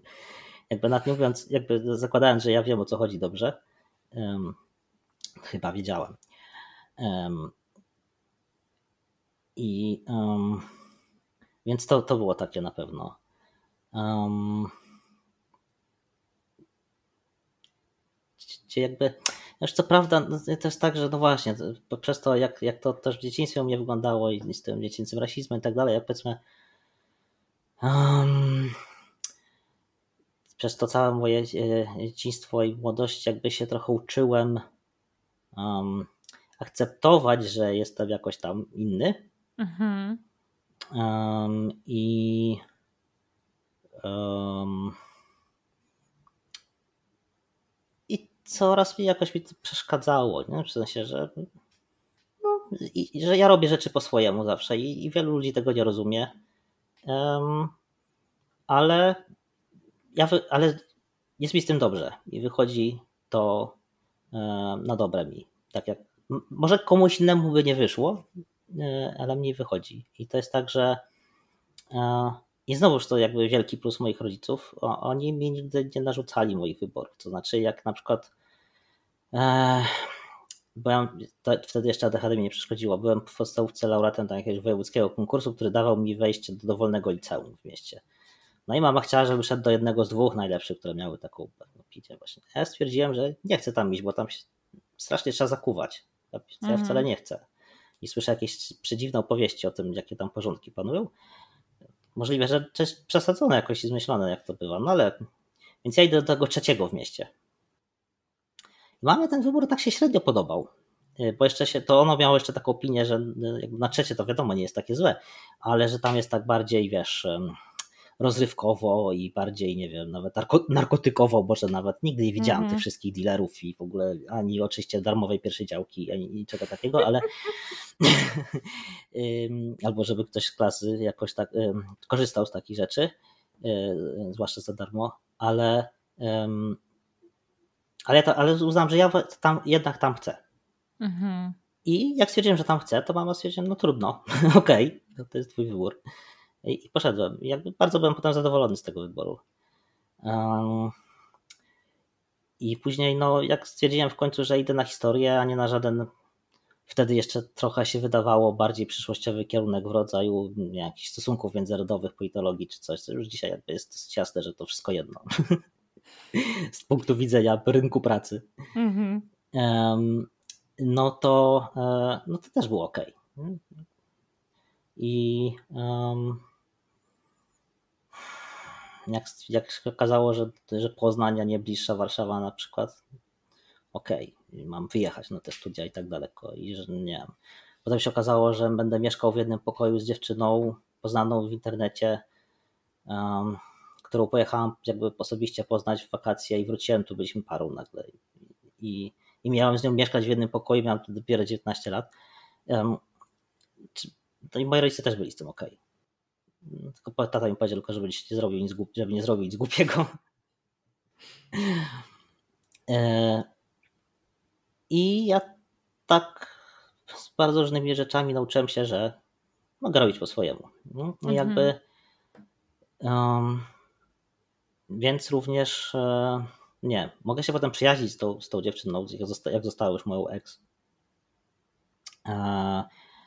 Mogę się rozwieść z żoną bez awantur i e, bez jakichś tam, nie wiem, do sądowego dochodzenia z jakichś praw mm, i, i robienia jakichkolwiek jej problemów.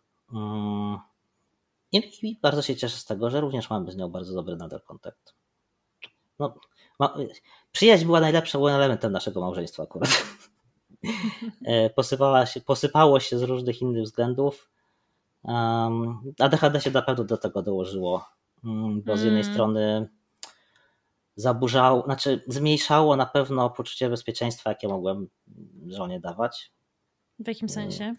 No bo wiesz, jeśli jesteś tym spóźniającym się, tym, który no, nie pamiętał o różnych rzeczach jednak, tym, który no, no nawet pracuje i jak, znaczy no to droga zawodowa po tym jak przestałam y, pisać doktorat, czy udawać, że pisze, jakby też była dosyć e, wyboista, aż znaczy przed, przed tym, jak przed obecną, a teraz jest ok. Um, więc najpierw, no, ale prawie zawsze, że ona zarabia lepiej ode mnie.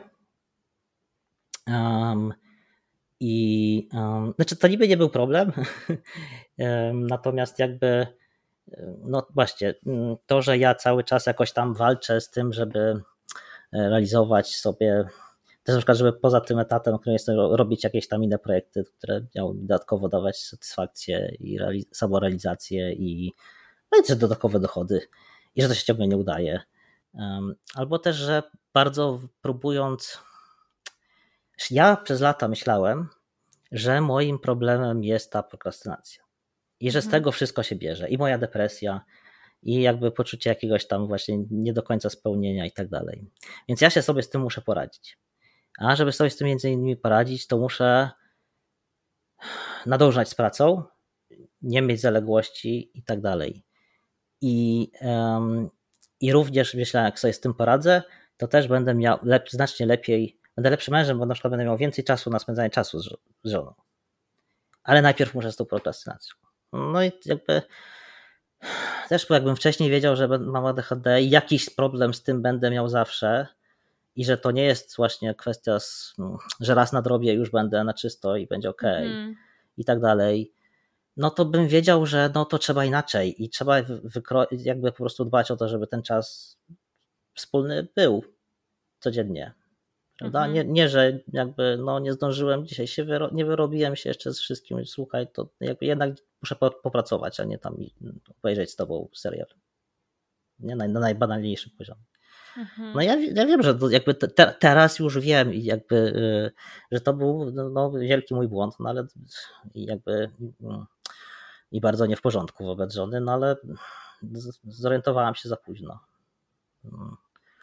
Um, i no, ale może te, te właśnie, więc jakby na przykład tego poczucia bezpieczeństwa takiego nie, nie dawałam jako ten właśnie ten mężczyzna, który trochę tak e, trochę nie jest taki do końca. Mm. Wiesz, ty, ty, ja też właśnie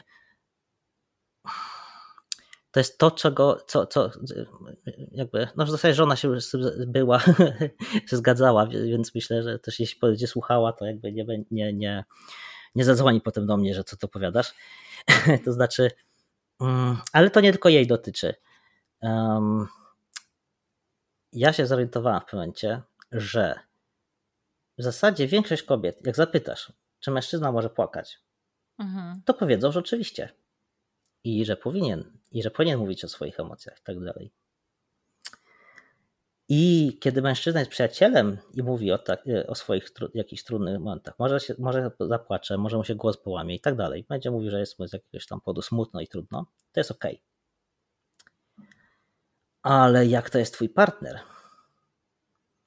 to nie mówię, że wszystkie kobiety, ale bardzo wiele nagle nie wie, co z tym zrobić, po pierwsze.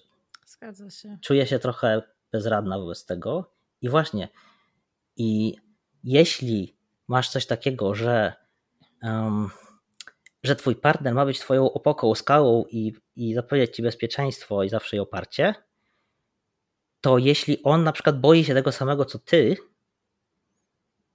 i też jest nawet przez chwilę czuje, pokazuje swoją jakąś taką no, to vulnerability, trochę brakuje mm. polskiego odpowiednika, mm -hmm, czy, czy, już czy na coś silniejszego, jakoś taką bardzo, jakiś lęk duży, jakąś bezradność, mm, no to to jest problem. Mm. On, to on ci wtedy nie daje tego, czego potrzebujesz. Albo co społeczeństwo sprawiło, że wydaje ci się, że Tak, tak, oczywiście, bo to jest, bo to jest jakby, ale właśnie przez to, że my mamy, e, że o ile mm, właśnie nawet kobiety, moja żona się identyfikuje jako feministka, może nie bardzo radykalna, ale jednak.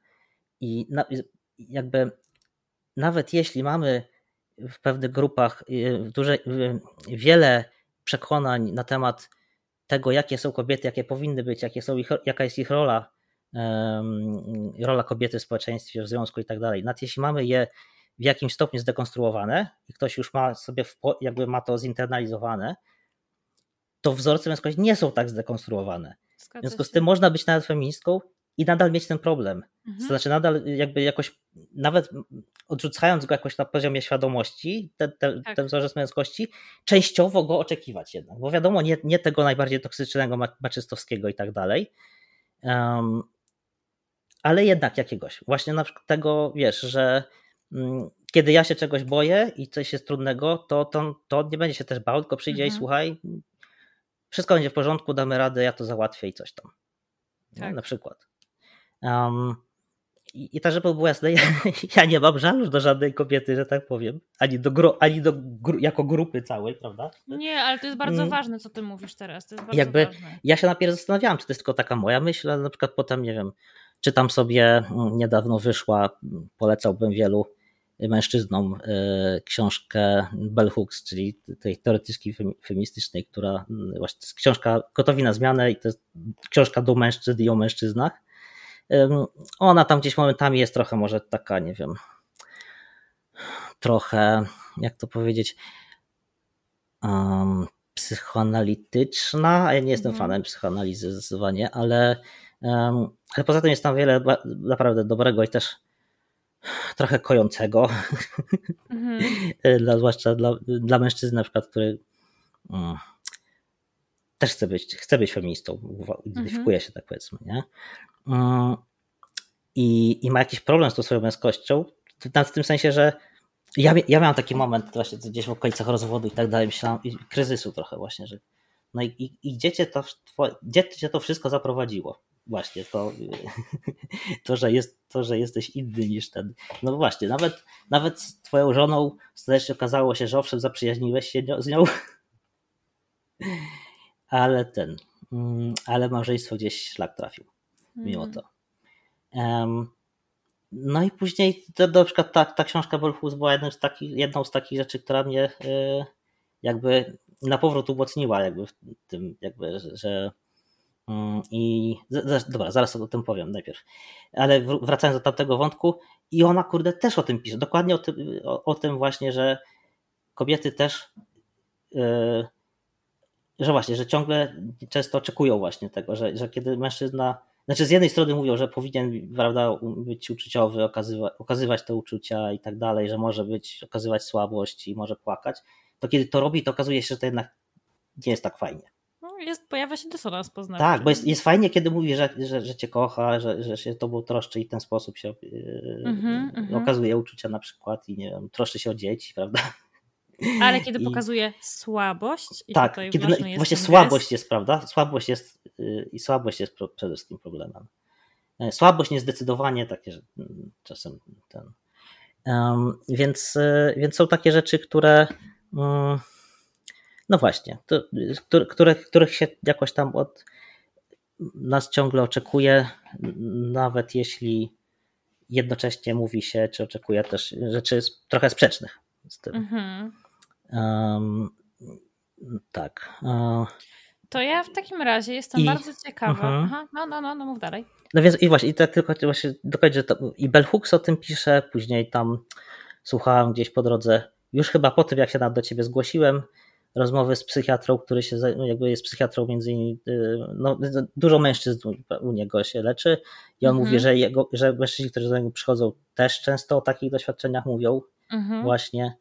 Mm, i tak, i słabość, słabość zwłaszcza, depresja, prawda, jest, no, trudno powiedzieć, co, co jest bardziej z nią związane niż słabość, bo, bo nagle, no już zwłaszcza w tych naj, najcięższych przypadkach, prawda, i, um, i to jest oczywiście trud, to trudne dla chorego, ale trudne jest też bardzo dla jego otoczenia, niewątpliwie, mhm. jakby w ogóle ja myślę, że partnerzy, partnerki osób w depresji same powinny na terapię często chodzić, bo e, to jest bardzo ciężkie doświadczenie.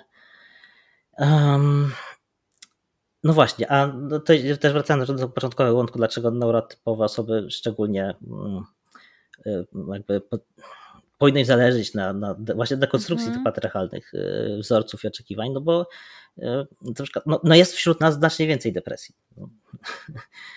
statystycznie. Tak jest. Albo i też szansa na to, że osoba, która przychodzi z depresją, ma DHD, jest też znacznie wyższa niż jakby dla ogółu populacji. Całkiem niedawno czytałam o tym tak. badania. Czekaj, podsumowanie badań. Um, a, no, a depresja jest tylko jednym z, prawda, tego, co, co mhm. można mieć jako powiedzmy um, skutki niezaopiekowanego ADHD. Mhm. Czy, czy spektrum autyzmu też. No, spektrum mam wiem, wiem mniej, więc nie chcę jakby za dużo mówić, ale, ale na pewno też. Znaczy, z rozmów, które ty, tak. ty e, tutaj prowadziłaś. Um, więc e, i, i jakby więc właśnie, więc mamy dużo tych rzeczy, które się nie, nie wpisują w ten wzorzec, e, a jak jeszcze dodatkowo, znaczy, jeśli, o, ja mam, to jest temat, zresztą pisałem w komentarzach już u ciebie na profilu na Instagramie, znaczy tego e, rejection sensitivity dysphoria, czyli tej szczególnej wrażliwości na odrzucenie, która jakby mm, w praktyce e, klinicystów na przykład i, jakby, i, i w rozmowach, jak się rozmawia z osobami z ADHD, to, to jakby wydaje się, że każdy to ma praktycznie. Coś, to, to szczególną wrażliwość na odrzucenie. Mnie się w tym z jednej strony łatwo odnaleźć, bo ja czuję, że, czuję, że to mam, owszem. Um, I że jakby, tylko u mnie jest też tak, że ja zaraz sobie zadaję pytanie, no ja mam w dzieciństwie dużo powodów, dla których mnie się to mogło zrodzić niezależnie od, od ADHD. Um, no i to, to, to, jest ten problem, że nie ma na razie badań, które by to potwierdzały, że, że mamy Niezależnie szczególną... albo zależnie, bo te, na tym polega tak, problem, może być, że, tak, dzisiaj, to jest też... że dzisiaj już tego się nie dowiemy, tak, nie? Tak, to jest wszystko, są sprzężenia zwrotne i tak dalej, hmm. więc jakby hmm. jedno się może nakładać łatwo na drugie, oczywiście. Tak. jakby jak są te badania, które pokazują, że czasem mm, dziecko z ADHD bywa w grupie rówieśniczej rzucone w ciągu kilku minut dosłownie, i nagle ląduje poza nią, bo, y, y, bo tak szybko się okazuje, że inne dzieci wyczuwają, że tutaj jest, jak na przykład, że to dziecko jest bardziej emocjonalne, jakieś krzykliwe, mm. nie wiem, bardziej skore do używania przemocy, może nawet takiej lekkiej. Um, I tak dalej, i tak dalej. Um, no to jeśli to dziecko dodatkowo będzie jeszcze z jakiejś mniejszości, no to oczywiście, że to się będzie nakładało prawda, tak. na siebie. Um, no właśnie ja to DHD może może nie miałam tak, żeby mnie grupa odrzucała w ciągu minuty czy, czy pięciu minut. Też nie wiem, to, ale to musiałbym pamiętać przy szkole, nie? Żeby, um, więc nie będę wymyślał przecież. E, no czułem się źle w przedszkolu, ale um, no, no to, e, no wiadomo, no to, więc to się będzie nakładać. Jest możliwe, że ten, te, tak, że, że, że w dużej mierze to może wynikać z, z doświadczeń, które mają osoby z ADHD, bo, bo dużo trudniej im się w grupę rówieśniczą wpasować. Hmm. Um, no a wiadomo, człowiek jako taki jest bardzo jest wrażliwy na odrzucenie, to jest jeden z największych prawda, lęków i największa potrzeba, tak. mieć, mieć swoje, swoich ludzi tak. i nie być samemu. Um, więc... Y ale właśnie, jeśli, jeśli tak jest, że czy to z powodu tego, jak nasza neurobiologia wygląda, czy z powodu tego, jakie są nasze doświadczenia, no to częściej jesteśmy mężczyznami właśnie wrażliwymi. E, wrażliwość, znowuż tak stereotypowo, oznacza słabość. Oczywiście, bo prawda, uczy się nas od, znaczy chłopców się socjalizuje, że no, nie okazuje się tej słabości. E, no i potem oczywiście e, rośniemy, mnie szczęśliwie to nie spotkało, rośniemy w ogóle emocjonalnie, prawda? Y, y, rosną mężczyźni, którzy są analfabetami y, emocjonalnymi, że tak mm -hmm, powiem. Mm -hmm. Jakby są od nich odcięci, ich nie rozumieją, nie czują, myślą, że ich nie mają, co oczywiście jest nieprawda. My już w ogóle jako osoby z ADHD, bez względu na płeć, mamy większy problem z... Z regulacją emocji. Z regulacją emocji, ale z tym się wiąże Y, nazywanie tych emocji, mhm. Y, takie rozumienie tego, co to za emocja się pojawia. Tak, tak, tak, bo ona e, eskaluje tak szybko, że zanim. Tak jest, mhm. więc jeżeli, jeżeli, do tego jeszcze dołożysz kwestie, o których, o których teraz mówisz, no to już jest mhm. w ogóle mieszanka tak, wybuchowa, tak. absolutnie. No bo ja mam takie doświadczenie, że są sytuacje, kiedy nie wszyscy są dookoła jakiś wkurwieni i tak dalej. Przepraszam słowo, to wytnij może, bo YouTube ci jeszcze cię ukaże. Um, to y, a ja jestem totalnie spokój, zero, jakby wiesz, no trudno, stało się coś tam. Hmm, nie, poczekam. Pociąg nie przyjechał, nie będę opierdzielał poguducha widnego mm, konduktora, który z innego pociągu, który nie ma na to żadnego wpływu. No, poczekam mm na mhm. następny i tyle. No. Co mi się stanie? Mm. ale są takie momenty, prawda, że czasem od jakiegoś drobiazgu ja nie, nie zauważam, kiedy nagle się robię strasznie wkurzony albo, mhm. albo nagle się czuję bardzo zraniony i zaatakowany i y, zanim zdążyłem jakoś właśnie, nie, nie ma tego momentu, prawda, że możesz się zatrzymać i zauważyć, że jesteś wkurzony, tak. czy zaczynasz się wkurzać i że może hej, nie ma powodu, prawda? Weź te 10 oddechów, czy coś tam. Um, a jak już jesteś na tym, na, na, tak na maksa nakręcony, no to już się nie da praktycznie. Już jest trochę za późno. Tak, jest za późno. To jest sztuka za, nauczyć się zatrzymywać wcześniej. Tak jest. No tylko znowuż, jak wytłumaczyć komuś, że nie masz tego hamulca, który dla niego jest oczywisty. Tak, tak. Um, I uh, no wiem, więc jesteś ta, i ta emocjonalność siłą rzeczy, niezależnie już od tego, jak bardzo realnie, jak to jest z tym rejection sensitivity, to, to jest niemęskie po prostu par, jakby z definicji w zasadzie. Tak, e, tak. E, więc e, i dodatkowo, a jeśli jeszcze na dodatek, prawda, nie, nie jesteś taki, no właśnie nie masz takiego sukcesu, jeśli chodzi o karierę zawodową na przykład, no to się razem składa do tego, nie? Jesteś mhm, słaby mhm. i, i, i nie, jakiś nieudany, jakiś tam, mhm. prawda? Um, więc, e, więc tak myślę, że, że, e, że ten patriarchalny wzorzec mężczyzny bardzo kiepsko się zgrywa po prostu z, e, on nie jest, nie jest pisany dla dechadowych chłopców. Hmm. To jaki ty Romek, masz mhm. pomysł na to, żeby ten patriarchat rozwalić? Jak ty to widzisz? Od czego zaczynamy? Ja ci pomogę, tylko powiedz co mamy zrobić. To znaczy, no jakby od strony jakby mężczyzn, no, przez podstawowe jakby zadaniem jest w ogóle uświadomić sobie, że patriarchat jest problemem. No jeśli, jeśli słucha tego jeden mężczyzna, który potem zacznie nad tym się zastanawiać dalej, to ja będę przeszczęśliwy. Bo ja wiem, że to jest tak, że oczywiście no, osób, które są do czegoś przekonane, się nie da przekonać do czegoś innego, e, zwłaszcza jakąś tam jedną, e, jedną tam rozmową. I, e, Ale można zasiać jakieś takie ziarnko. Czasami się udaje, czasami się daje, daje zasiać ziarnko, które, po których ktoś, ktoś po pięciu latach nawet tak. nie w końcu gdzieś tam dokona zmiany że tak powiem, czy no, odkryje, że już nagle jest zupełnie gdzie indziej, jeśli chodzi o swoje poglądy. Natomiast, e, więc właśnie, więc pierwsze zadanie też, żebyśmy sobie uświadomili, jest, ja mam nadzieję, że to się trochę dzieje, że od tego, że trochę się mówi o tych prawach mężczyzn, dyskryminacji mężczyzn, specjalnie to lubię, bo to się robi takie za, zawody, kto jest bardziej i, i, i zrównywanie, bo to jakby potem no, nie o to chodzi. To, to prowadzi bardzo na manowce. Mhm. I, i, jakby, I znowu antagonizuje mężczyzn z kobietami. Tak, jakby tak. Tam, gdzie to nie jest potrzebne. Dokładnie. Um, I no bo tam, gdzie mężczyźni muszą się jakiegoś przywileju wyrzec, rozumiem, no jest jakiś, można powiedzieć, że jest jakiś konflikt interesu, w sensie, że nie wiem, ale sumarycznie jestem przekonany, nad rozwalaniem patriarchatu wszyscy zyskamy.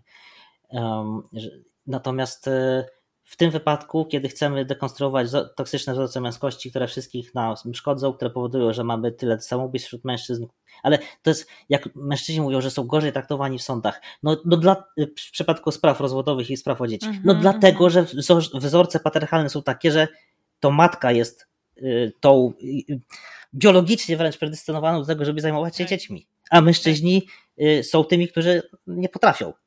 Tak. Jak są, są matki, które boją się dać mężom dzieci pod opiekę, zostawić na dzień, no to się. Znam takie osobiście.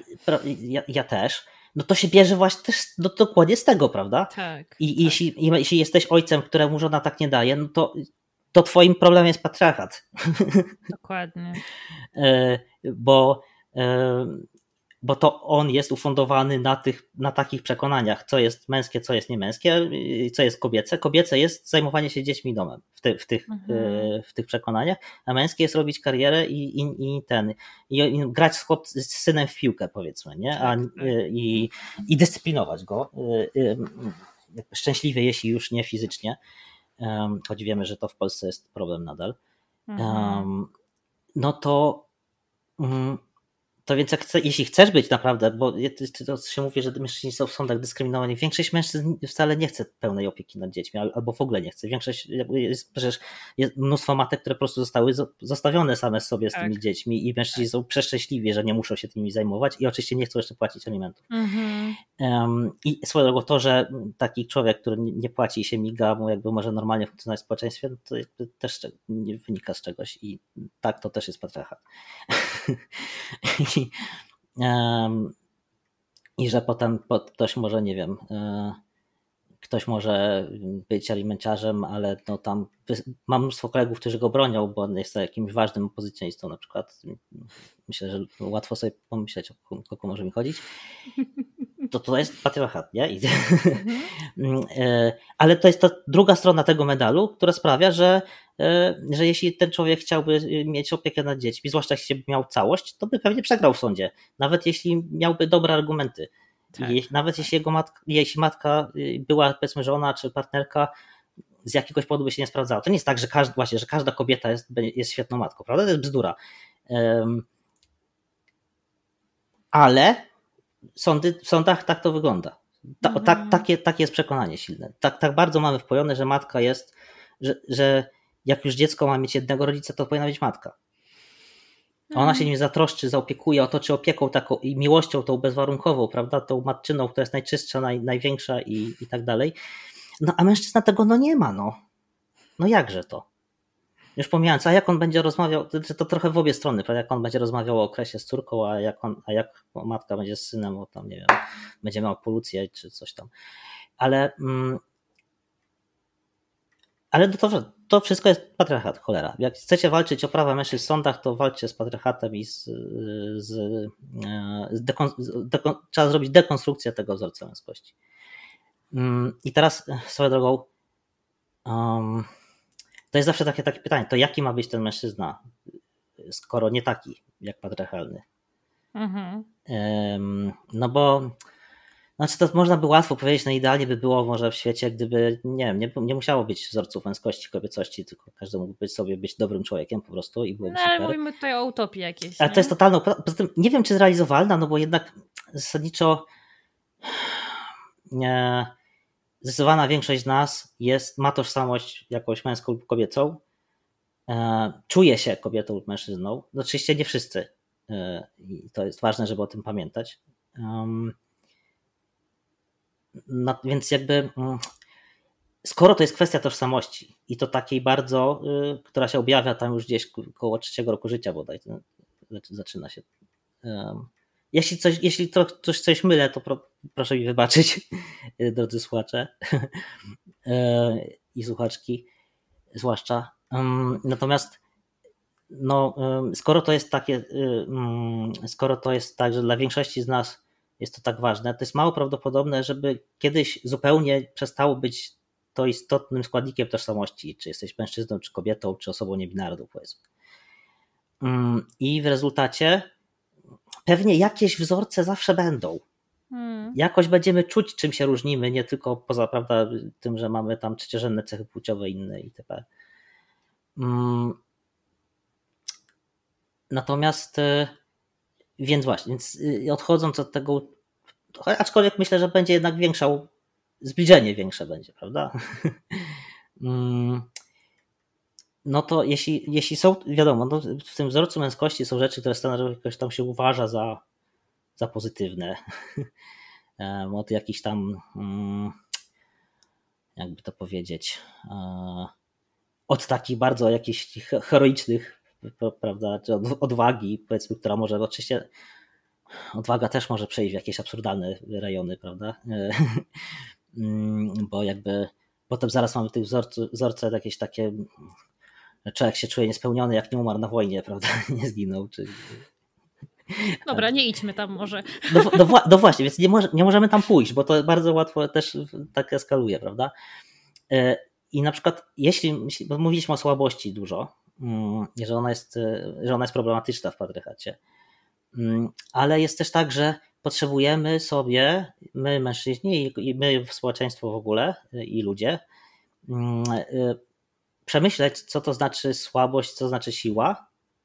I zwłaszcza, że siła może się realizować w różny sposób i można ją ukazywać w różny sposób. I na przykład, no tak najbardziej banalny jakiś przykład, taki stereotypowy, patriarchalny mężczyzna, jeśli go obrzucisz obelgami, to on powinien, broniąc swojego honoru, na przykład no, odpowiedzieć przemocą. A jeszcze, a jeszcze jak obrazisz jego matkę, prawda, no to już um, to, to już w ogóle, prawda, wiadomo. I to, to powinno być co najmniej, to już pieści powinny pójść w ruch, prawda, mhm. często.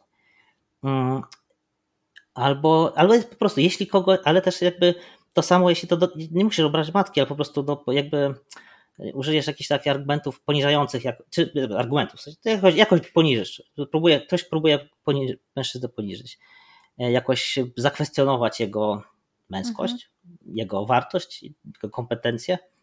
E, no, no to odpowiedź, to stereotypowy mężczyzna będzie się bronił, jeśli to jest sytuacja, kiedy fizy, nie no, użycie pięści nie wchodzi w grę, bo jesteśmy nie wiem, gdzieś w pracy albo w parlamencie. W niektórych parlamentach pięści czasem chodzą, też są używane.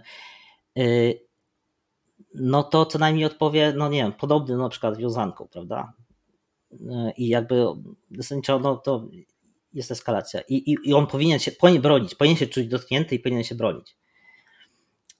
Moim zdaniem człowiek, który jest, i tu wracamy do tego, do tej kruchej męskości, która wymaga potwierdzenia.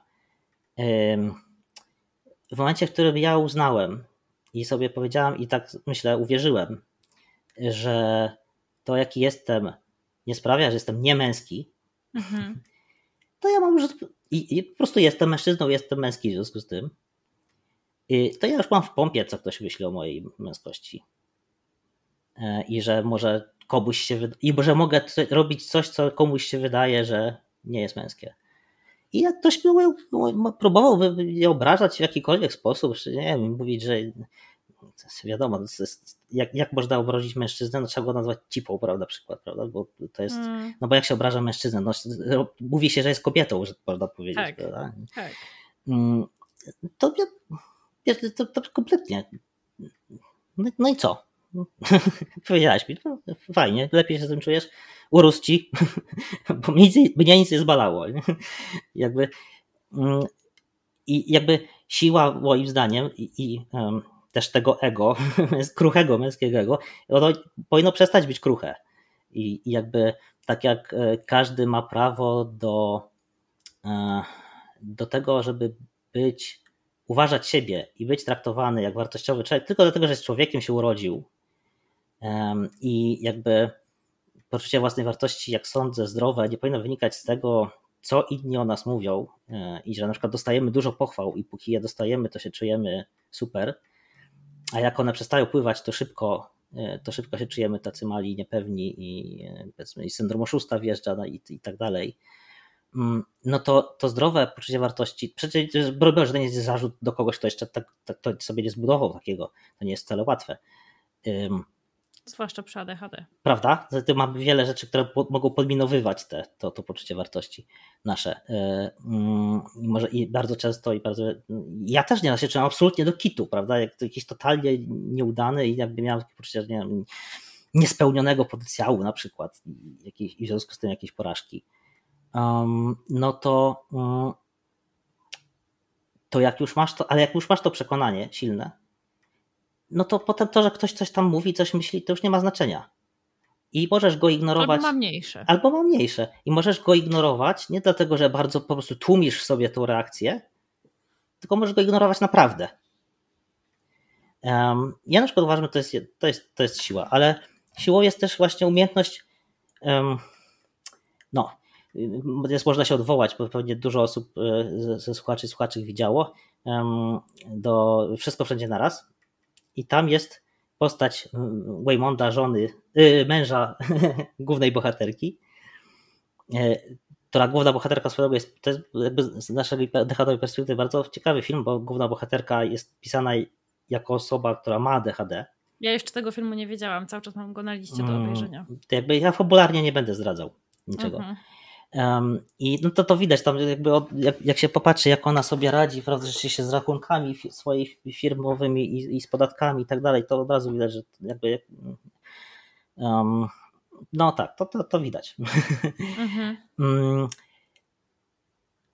I ona tam przechodzi w ogóle drogą, drogę całą i jakby i, i, mm, i staje się, można powiedzieć, jakąś tam wojowniczką i tak dalej. Ona jest tą, która jakby używa siły przez, w ciągu filmu, zwłaszcza w drugiej połowie. A jej mąż jest taki, na początku widzimy go jako takiego typowego beta mężczyznę. Mhm. Tego jakoś słabego, tego uległego, tego, który jakoś przez tą żonę swoją jest e, stłamszony jakoś.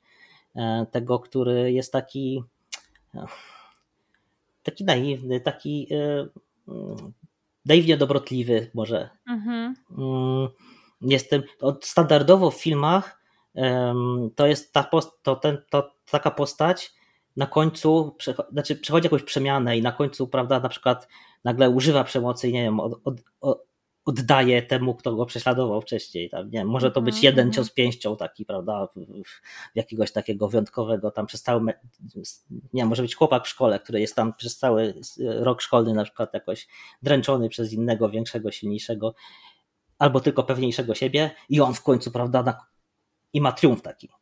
Właśnie dlatego, że zmężniał i, i, i, mm, i użył siły. Um, Waymont jest taką postacią, która nie przechodzi tej drogi zupełnie. On przez cały film jest taki sam.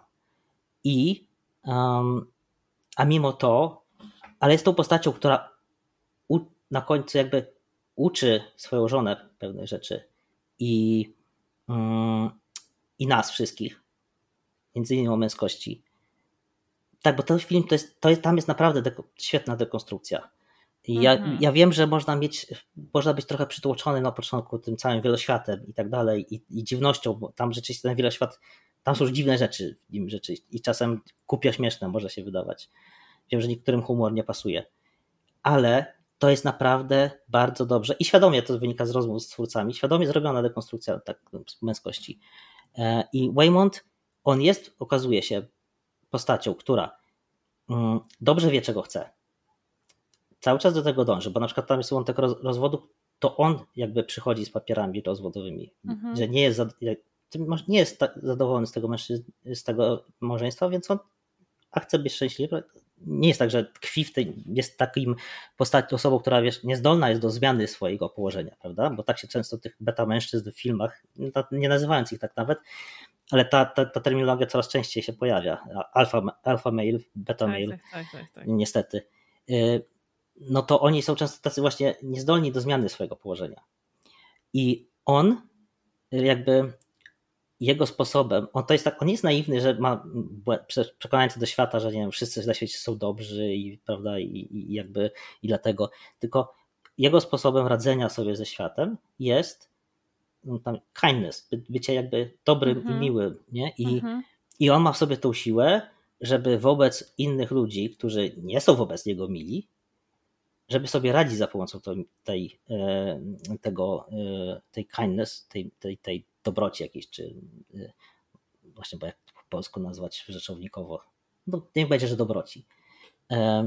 I osiągać swoje cele. On, ta, ta jego żona, która jest niby tą dominującą i tak dalej, a potem się przeistacza w mistrzynię sztuk walki i tak dalej, y, to ona ma, ona jakby, gdyby to ona tylko jakby nie rozmawiała z urzędniczką taką straszną skarbową, no to dostałaby straszną karę i zbankrutowała.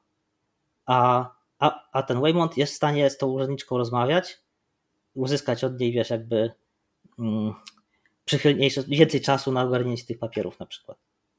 I on ratuje ostatecznie to, ten biznes, okazuje się. To nie jest tak wcale, że on jakieś głupoty robi, tylko jak ona, na, my najpierw myślimy w tym filmie i, i ta żona myśli, że on jakieś, że on jest bezradny, że on jakieś głupoty tylko robi, przylepia tam gdzieś oczy i takie jakieś robi głupotki i się śmieje i obraca wszystko w żart, może, czy ten, yy, albo nie wiadomo czemu daje tej urzędniczce yy, ciastka i myśli, że to coś pomoże, ale właśnie pomaga.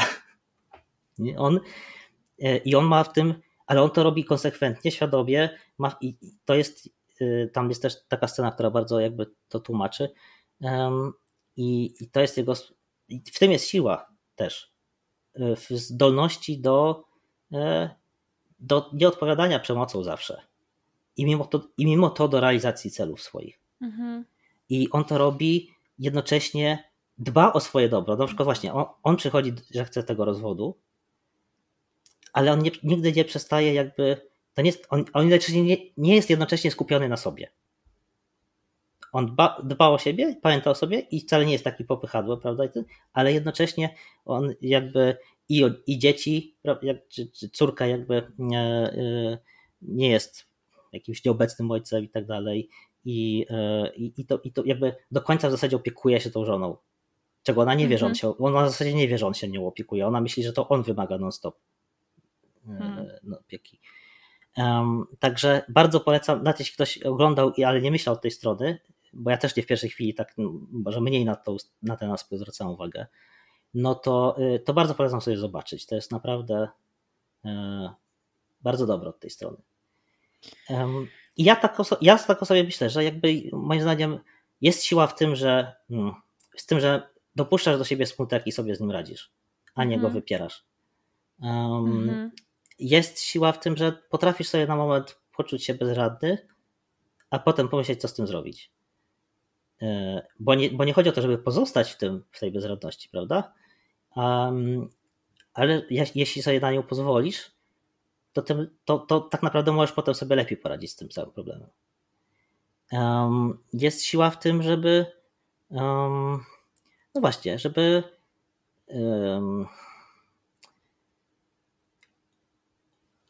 żeby uczynić swoje kruchego nie takim kruchym jest siła w tym, żeby nie odpowiadać przemocą na przemoc. To jest łatwe. A jak już jest, tak, jest wysocjalizowanym do takich reakcji, a jak jeszcze się swoją drogą, to akurat może jeden przypadek, kiedy się jakoś wpisuje, jak jeszcze ma się ADHD, jest się szybkim do, do gniewu, tak. prawda, i ten, no to jest łatwe, no, tylko, hmm. tylko jak często tak naprawdę prowadzi to do dobrych rezultatów? No, yy, nigdy. Prawda? No, jeśli w ogóle, prawda? No chyba, że jest akurat w tej, tej sytuacji, że no nie wiem, ktoś, ktoś do ciebie idzie Y, z kijem i ty wyciągasz większy kij. No, prawda, ale... Y, no ale to już mówimy o obronie. Tak, to, o, tak o, mówimy o obronie, tak, prawda, to jest, to jest jakby ten i, i skrajny przypadek. A poza tym, no jak często się udaje załatwić to cokolwiek krzycząc, prawda? Mm, mm. Ta druga osoba, nawet jak inaczej byłaby skłonna jakoś porozmawiać, no to przyjmie natychmiast, to będzie pozycję obronną i E, e, nawet jeśli jakby jest odporniejsza, no bo to, jest jakieś, to już jest przemoc, prawda? E, czy jakaś agresja. No to nawet jeśli będzie na to odporniejsza, to nie będzie chętna do, do kompromisu. Hmm. A my o związkach bardzo często myślimy, że nie wiem, że trzeba postawić na swoim, prawda? Właśnie bo trzeba być tą alfa mężczyzną, bo inaczej się będzie tym bankomatem to, to, jest, to jest odpowiedź y, mężczyzn, którzy mają tak zinternalizowany patriarchat, że kiedy widzą, że jest, że on, kiedy on robi problem, to oni jakby y, jeszcze bardziej są patriarchalni, prawda? Jeszcze bardziej męscy muszą być. Hmm. Bo to jest to, to brakuje nam męskości, musimy być bardziej męscy, wtedy nasze problemy będą załatwione. Chociaż one z tego wynikają, że już jesteśmy za bardzo męscy. I mm, więc to wszystko, w, ogóle nie, właśnie nie wpasowywanie się, pozwolenie sobie na to, żeby się nie wpasować w ten wzorzec, to też jest siła. Bo y, zwłaszcza kiedy, właśnie na tym etapie, kiedy mamy go słabo zdekonstruowanego, to, y, to, to, to potrzebuje, potrzebna jest siła, pewność siebie i tak determinacja. Y, I to są, to mogą być te pozytywne cechy męskości. Ja myślę, że mamy, ja myślę, że mamy całkiem niezły przepis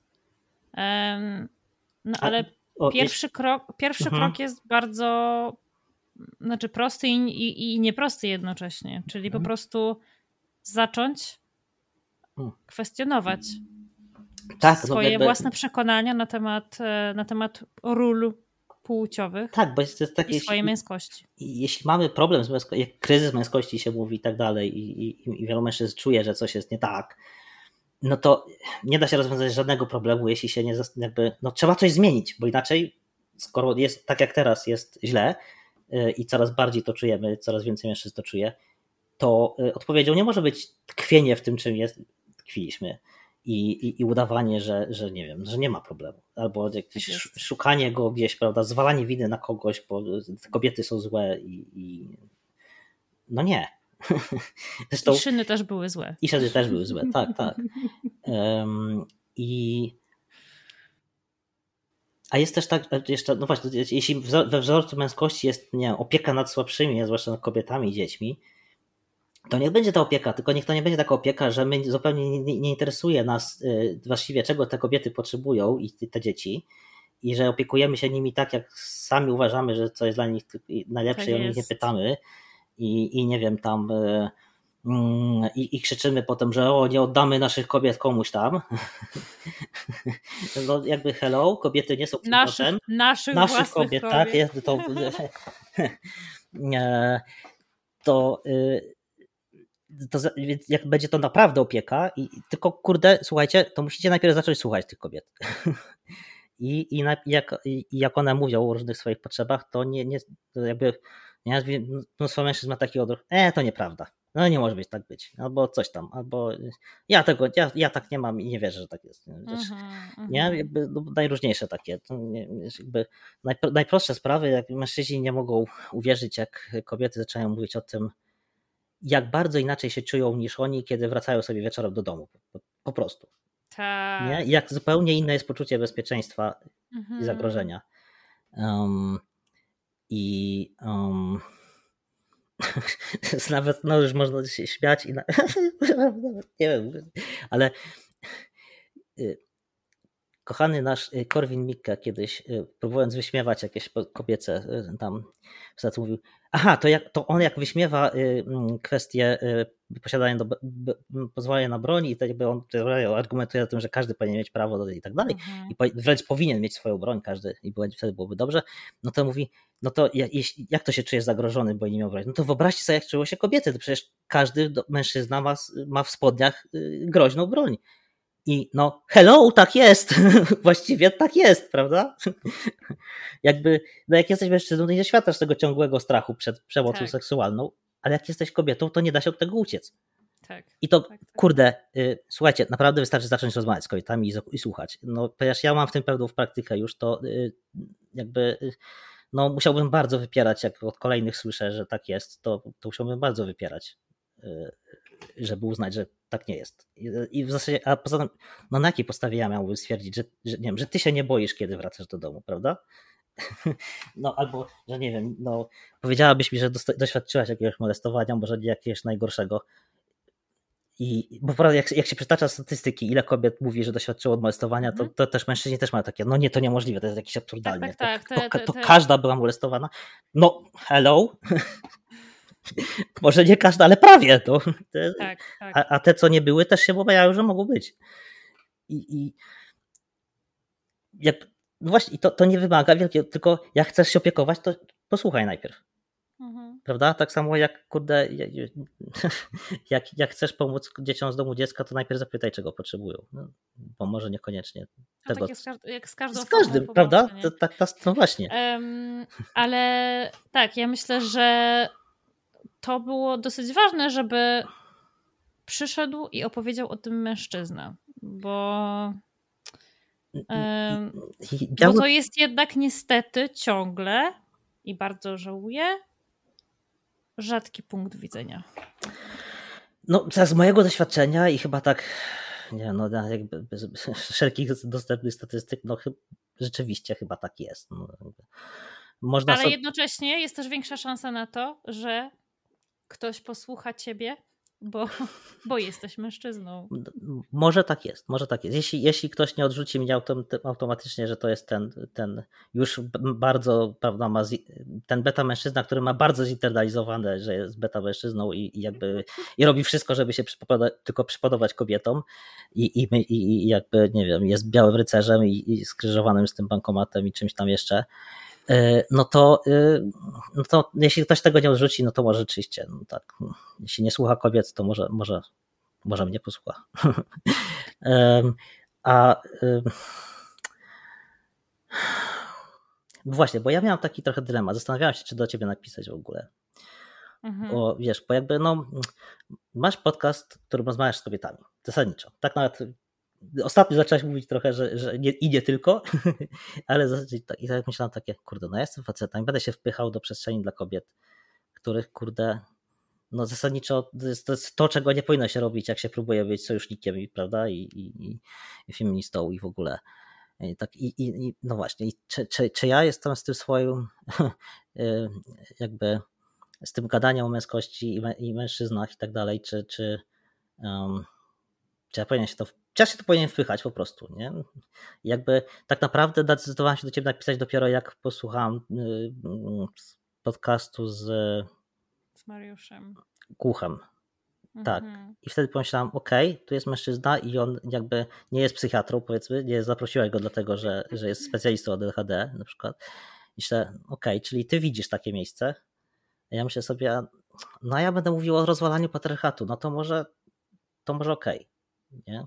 Ale to jest w ogóle też ciekawe zagadnienie, bo ja słyszałam takie głosy od mężczyzn, mhm. że o, wszystko jest tylko dla kobiet, wszystkie podcasty o ADHD, wszystkie książki, wszystkie artykuły, wszystko jest o kobietach, nie ma nic o nas. No to na litość boską, czy ktoś wam broni nagrywanie podcastu nie, ale, ale, ale to... o, mężczyznach dla mężczyzn? Proszę was bardzo. Ale to jest kwestia, potrzeba rozmawiać o emocjach, cholera.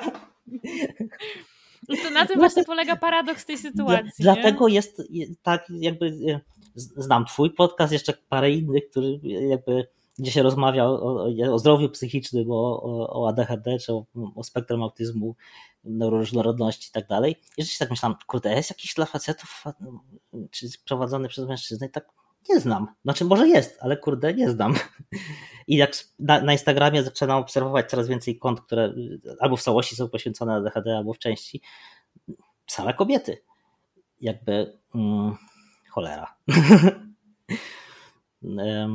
czy, więc jakby ja, ja też się zacząłem zastanawiać, czy jakby może nie zostanę samorzecznikiem.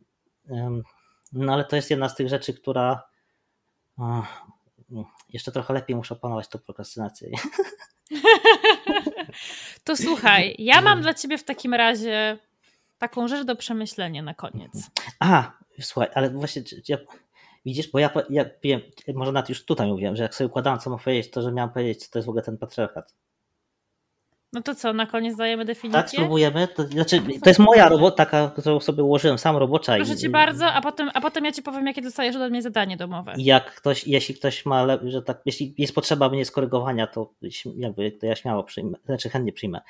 Mm, znaczy, patriarchat rozumiem jako taki sposób organizacji społeczeństwa, jakby system społeczny, w którym mężczyźni mają władzę.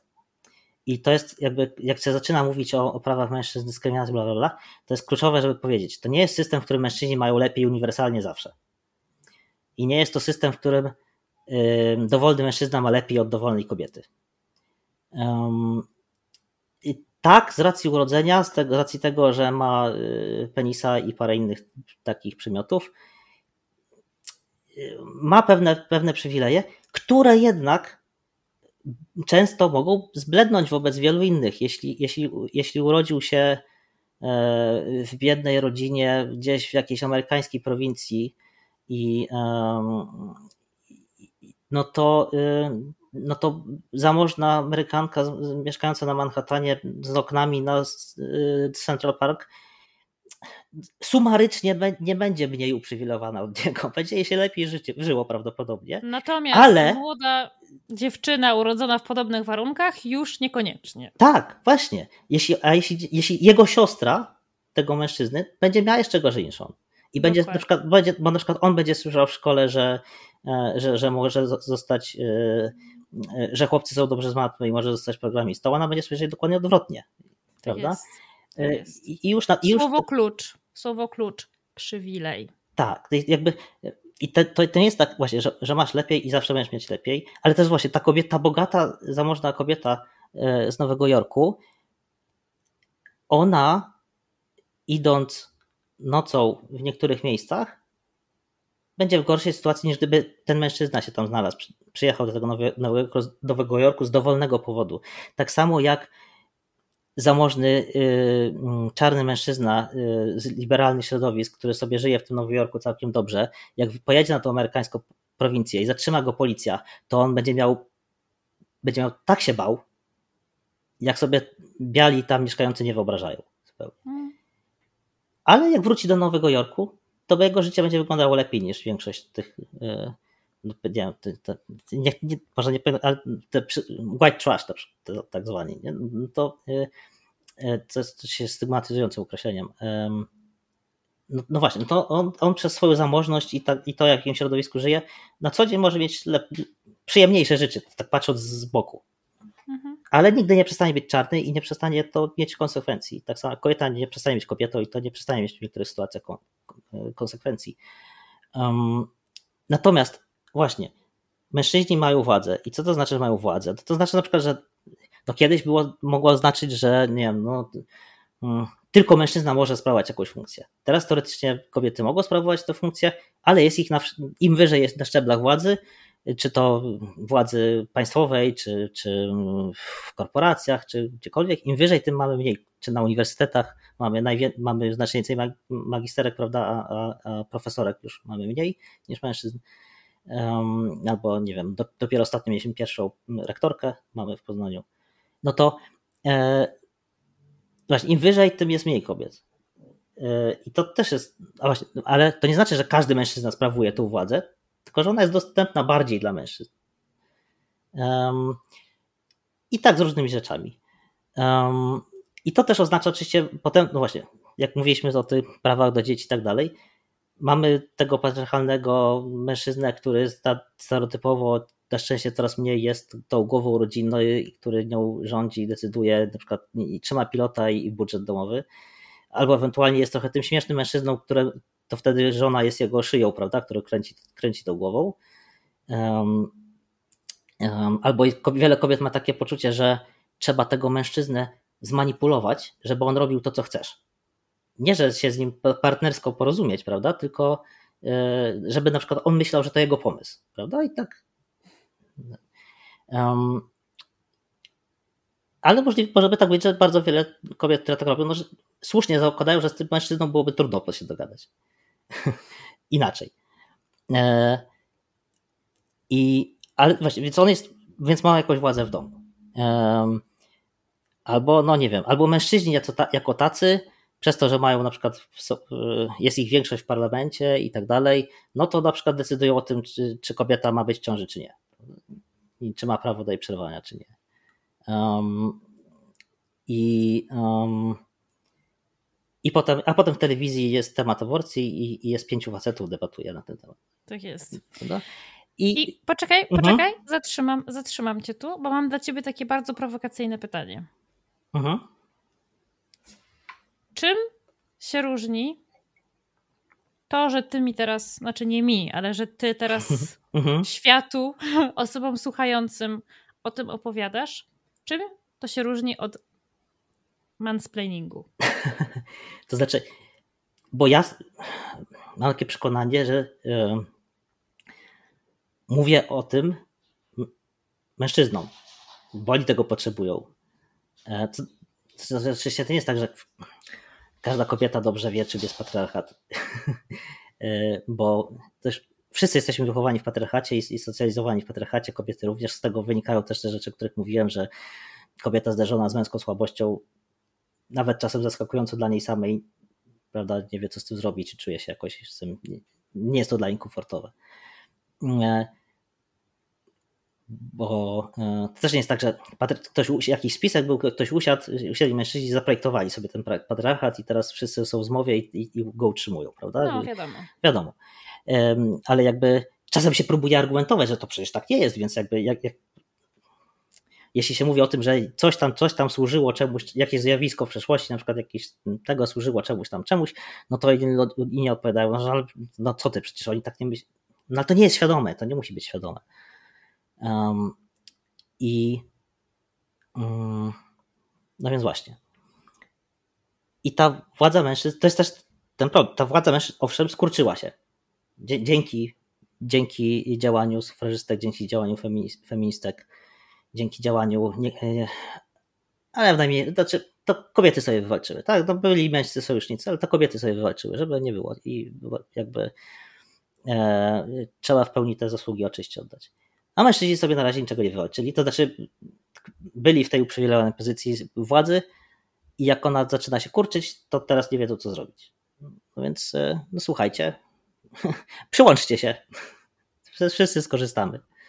Um, bo ta władza też nas zabija. Um, czasem dosłownie, prawda? Tak jest. Um, czasem trochę metaforycznie, zabijając w nas uczucia i, i tak dalej. I, i, i potem nie potrafimy być dobrymi mężami, ojcami, y, nawet jeśli chcemy e, i tak dalej. I nie, potra nie potrafimy nie powielać błędów, które mieliśmy wcześniej, w poprzednich pokoleniach i tak dalej. Um, i, i, i, i, ten patriarchat jest między innymi utrzymywany, jakby ufundowany na, czy, y, na przekonania właśnie co do ról płciowych i e, co do tego, jakie są, jakie powinny być kobiety, jak, jakie, jacy są, jacy powinni być mężczyźni i, i, i masy różnych stereotypów i, i, mm, i tak dalej. No tak samo jak e, rasizm jest, jest tworem czysto kulturowym.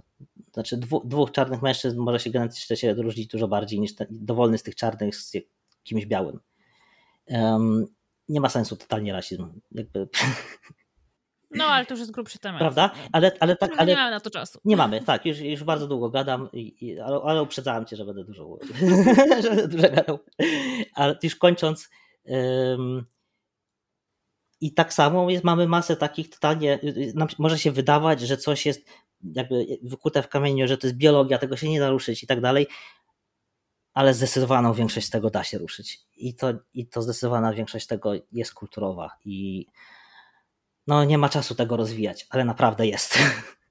Jeśli, to jakby nie mówię, że totalnie płeć jest tylko konstruktem kulturowym, bo może tak daleko bym nie szedł. Dobra, zostawmy. E, niekoniecznie tak jest, nie? Ale, ale w bardzo dużej części tak jest. I można. No, przede wszystkim ten, ten, ten, ten binarny podział. I to też. Jest. Tak, jak najbardziej. Elementem tego, elementem tych, tych, tych wszystkich, e, znaczy częścią tych patriarchatu czy patriarchalnych przekonań, na którym ten system y, jest ufundowany, no tak, jest to, że jest binarny podział. No bo tylko wtedy też, znaczy, bo wtedy masz łatwo. Są kobiety, które są jakoś podległe, są mężczyźni, którzy mają władzę. Męskość, prawda, która jest taka, ponieważ mężczyźni mają władzę, bo są męscy tacy zdecydowani, odważni, prawda, i to między innymi tak się uzasadnia, między innymi są, mają ten testosteron, który ich do rywalizacji, prawda, popycha, i, i, i tak dalej, no to, y, mm, no to, to jest ten model, jest określony model męskości, w którym nie mieści się jakby wszystko, co jest poza tą heteronormą, poza, poza tym binarnym podziałem. E, jeśli nie mieści się mężczyzna, który płacze, no to tym bardziej nie mieści się osoba niebinarna. Dokładnie. Która ma w dowodzie M, ale, ale nie czuje się M. Mhm. E, więc e, tak. To ja ci daję zadanie domowe. Więc w patriarchacie, w patriarchacie korzystają tylko wąska grupka na samym szczycie. Zgadza się. A cała reszta Zgadza ma przesrane, mniej lub bardziej. Dokładnie, dokładnie tak jak w kapitalizmie. Tak, za swoją drogą, ja, jakby, ale na to nie mamy czasu. To, y, to, no, to kapitalizm bardzo ładnie się, znaczy bardzo, bardzo się nakłada na, na, patriarchat i jakby... Ja zawsze powtarzam, że jest dwóch winnych wszystkich nieszczęść tak, na tak. świecie i to są właśnie, właśnie, właśnie tych dwóch winnych. Natomiast powiedziałbym, że wydaje mi się, znaczy nie wiem, może, może, może tu mi brakuje nadziei, że patriarchat jest y, łatwiejszy do rozwalenia niż kapitalizm.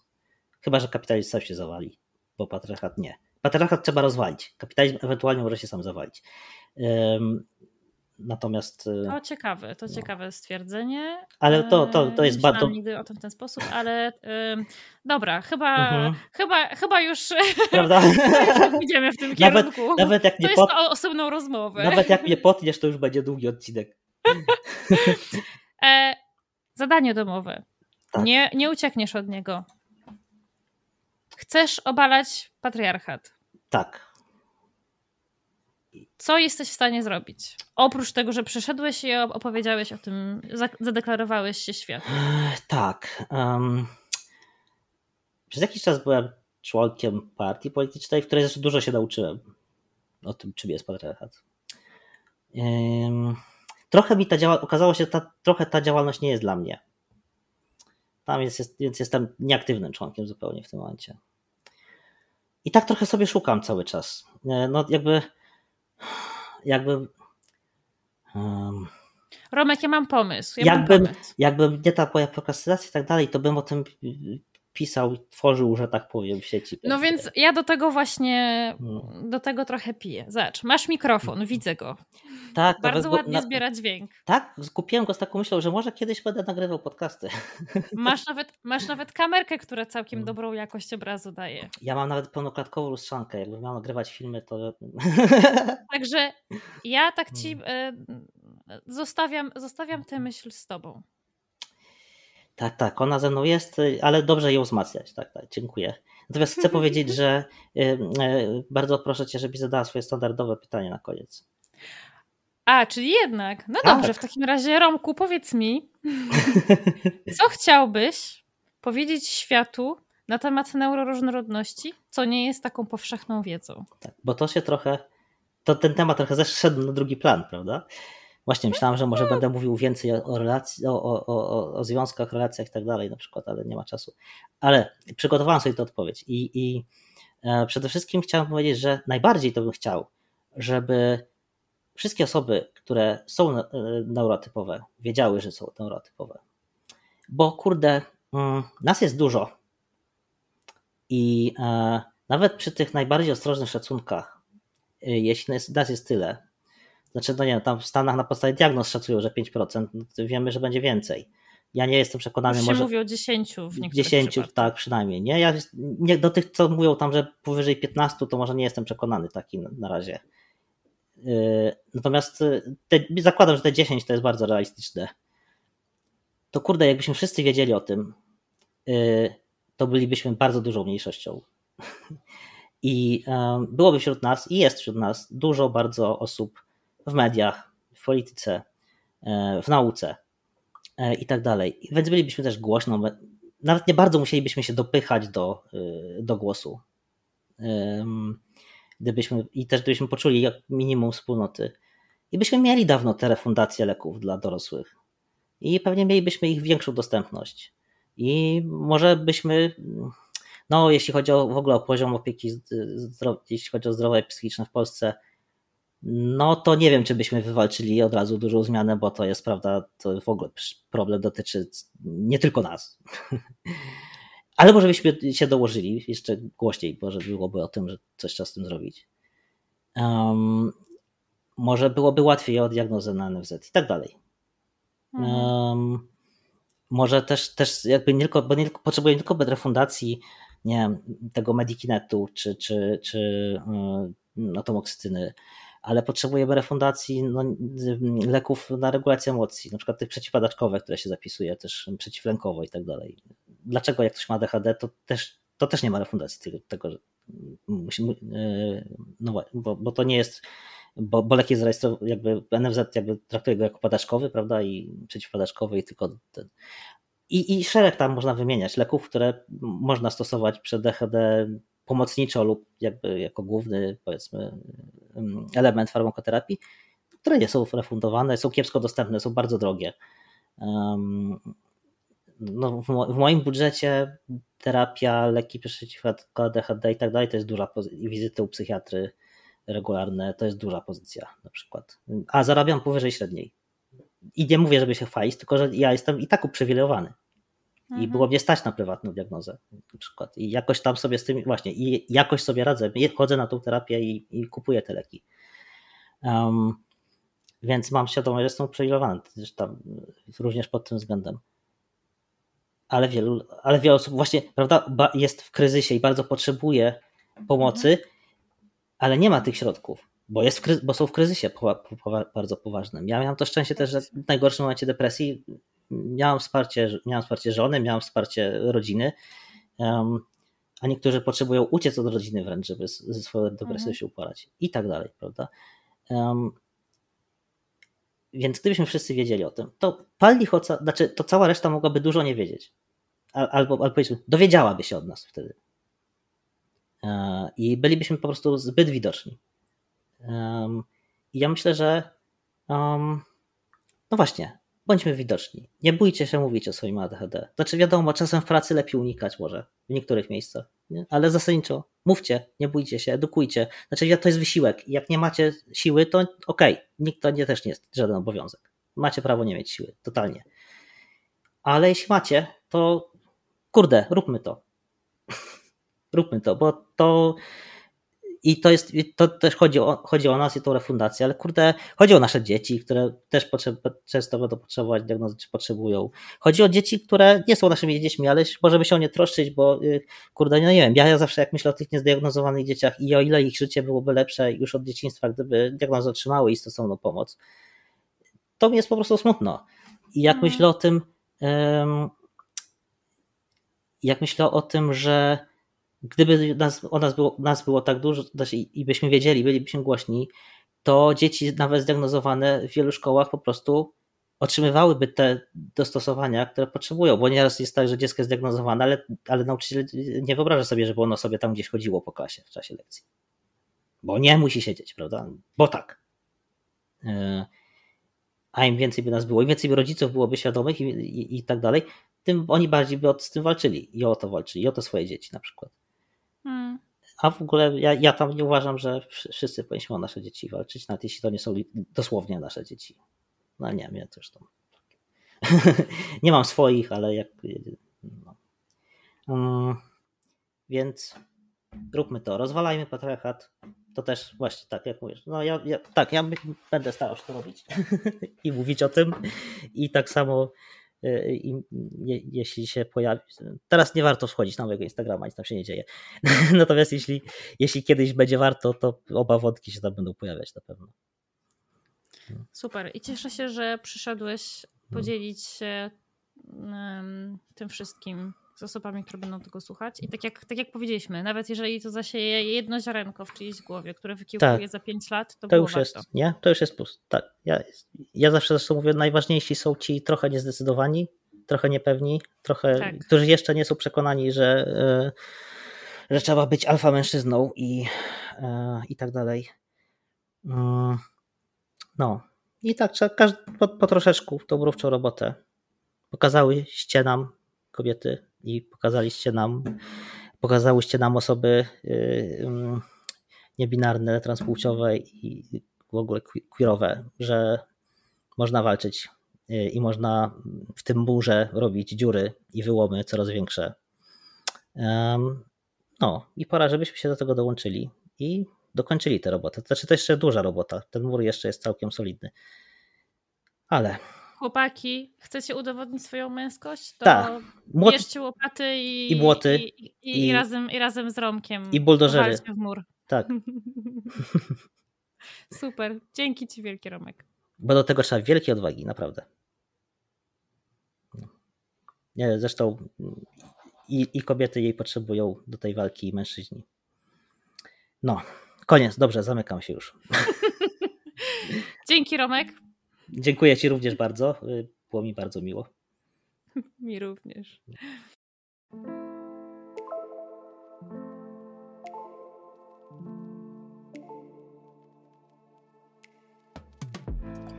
Wielkie dzięki za wysłuchanie tego odcinka.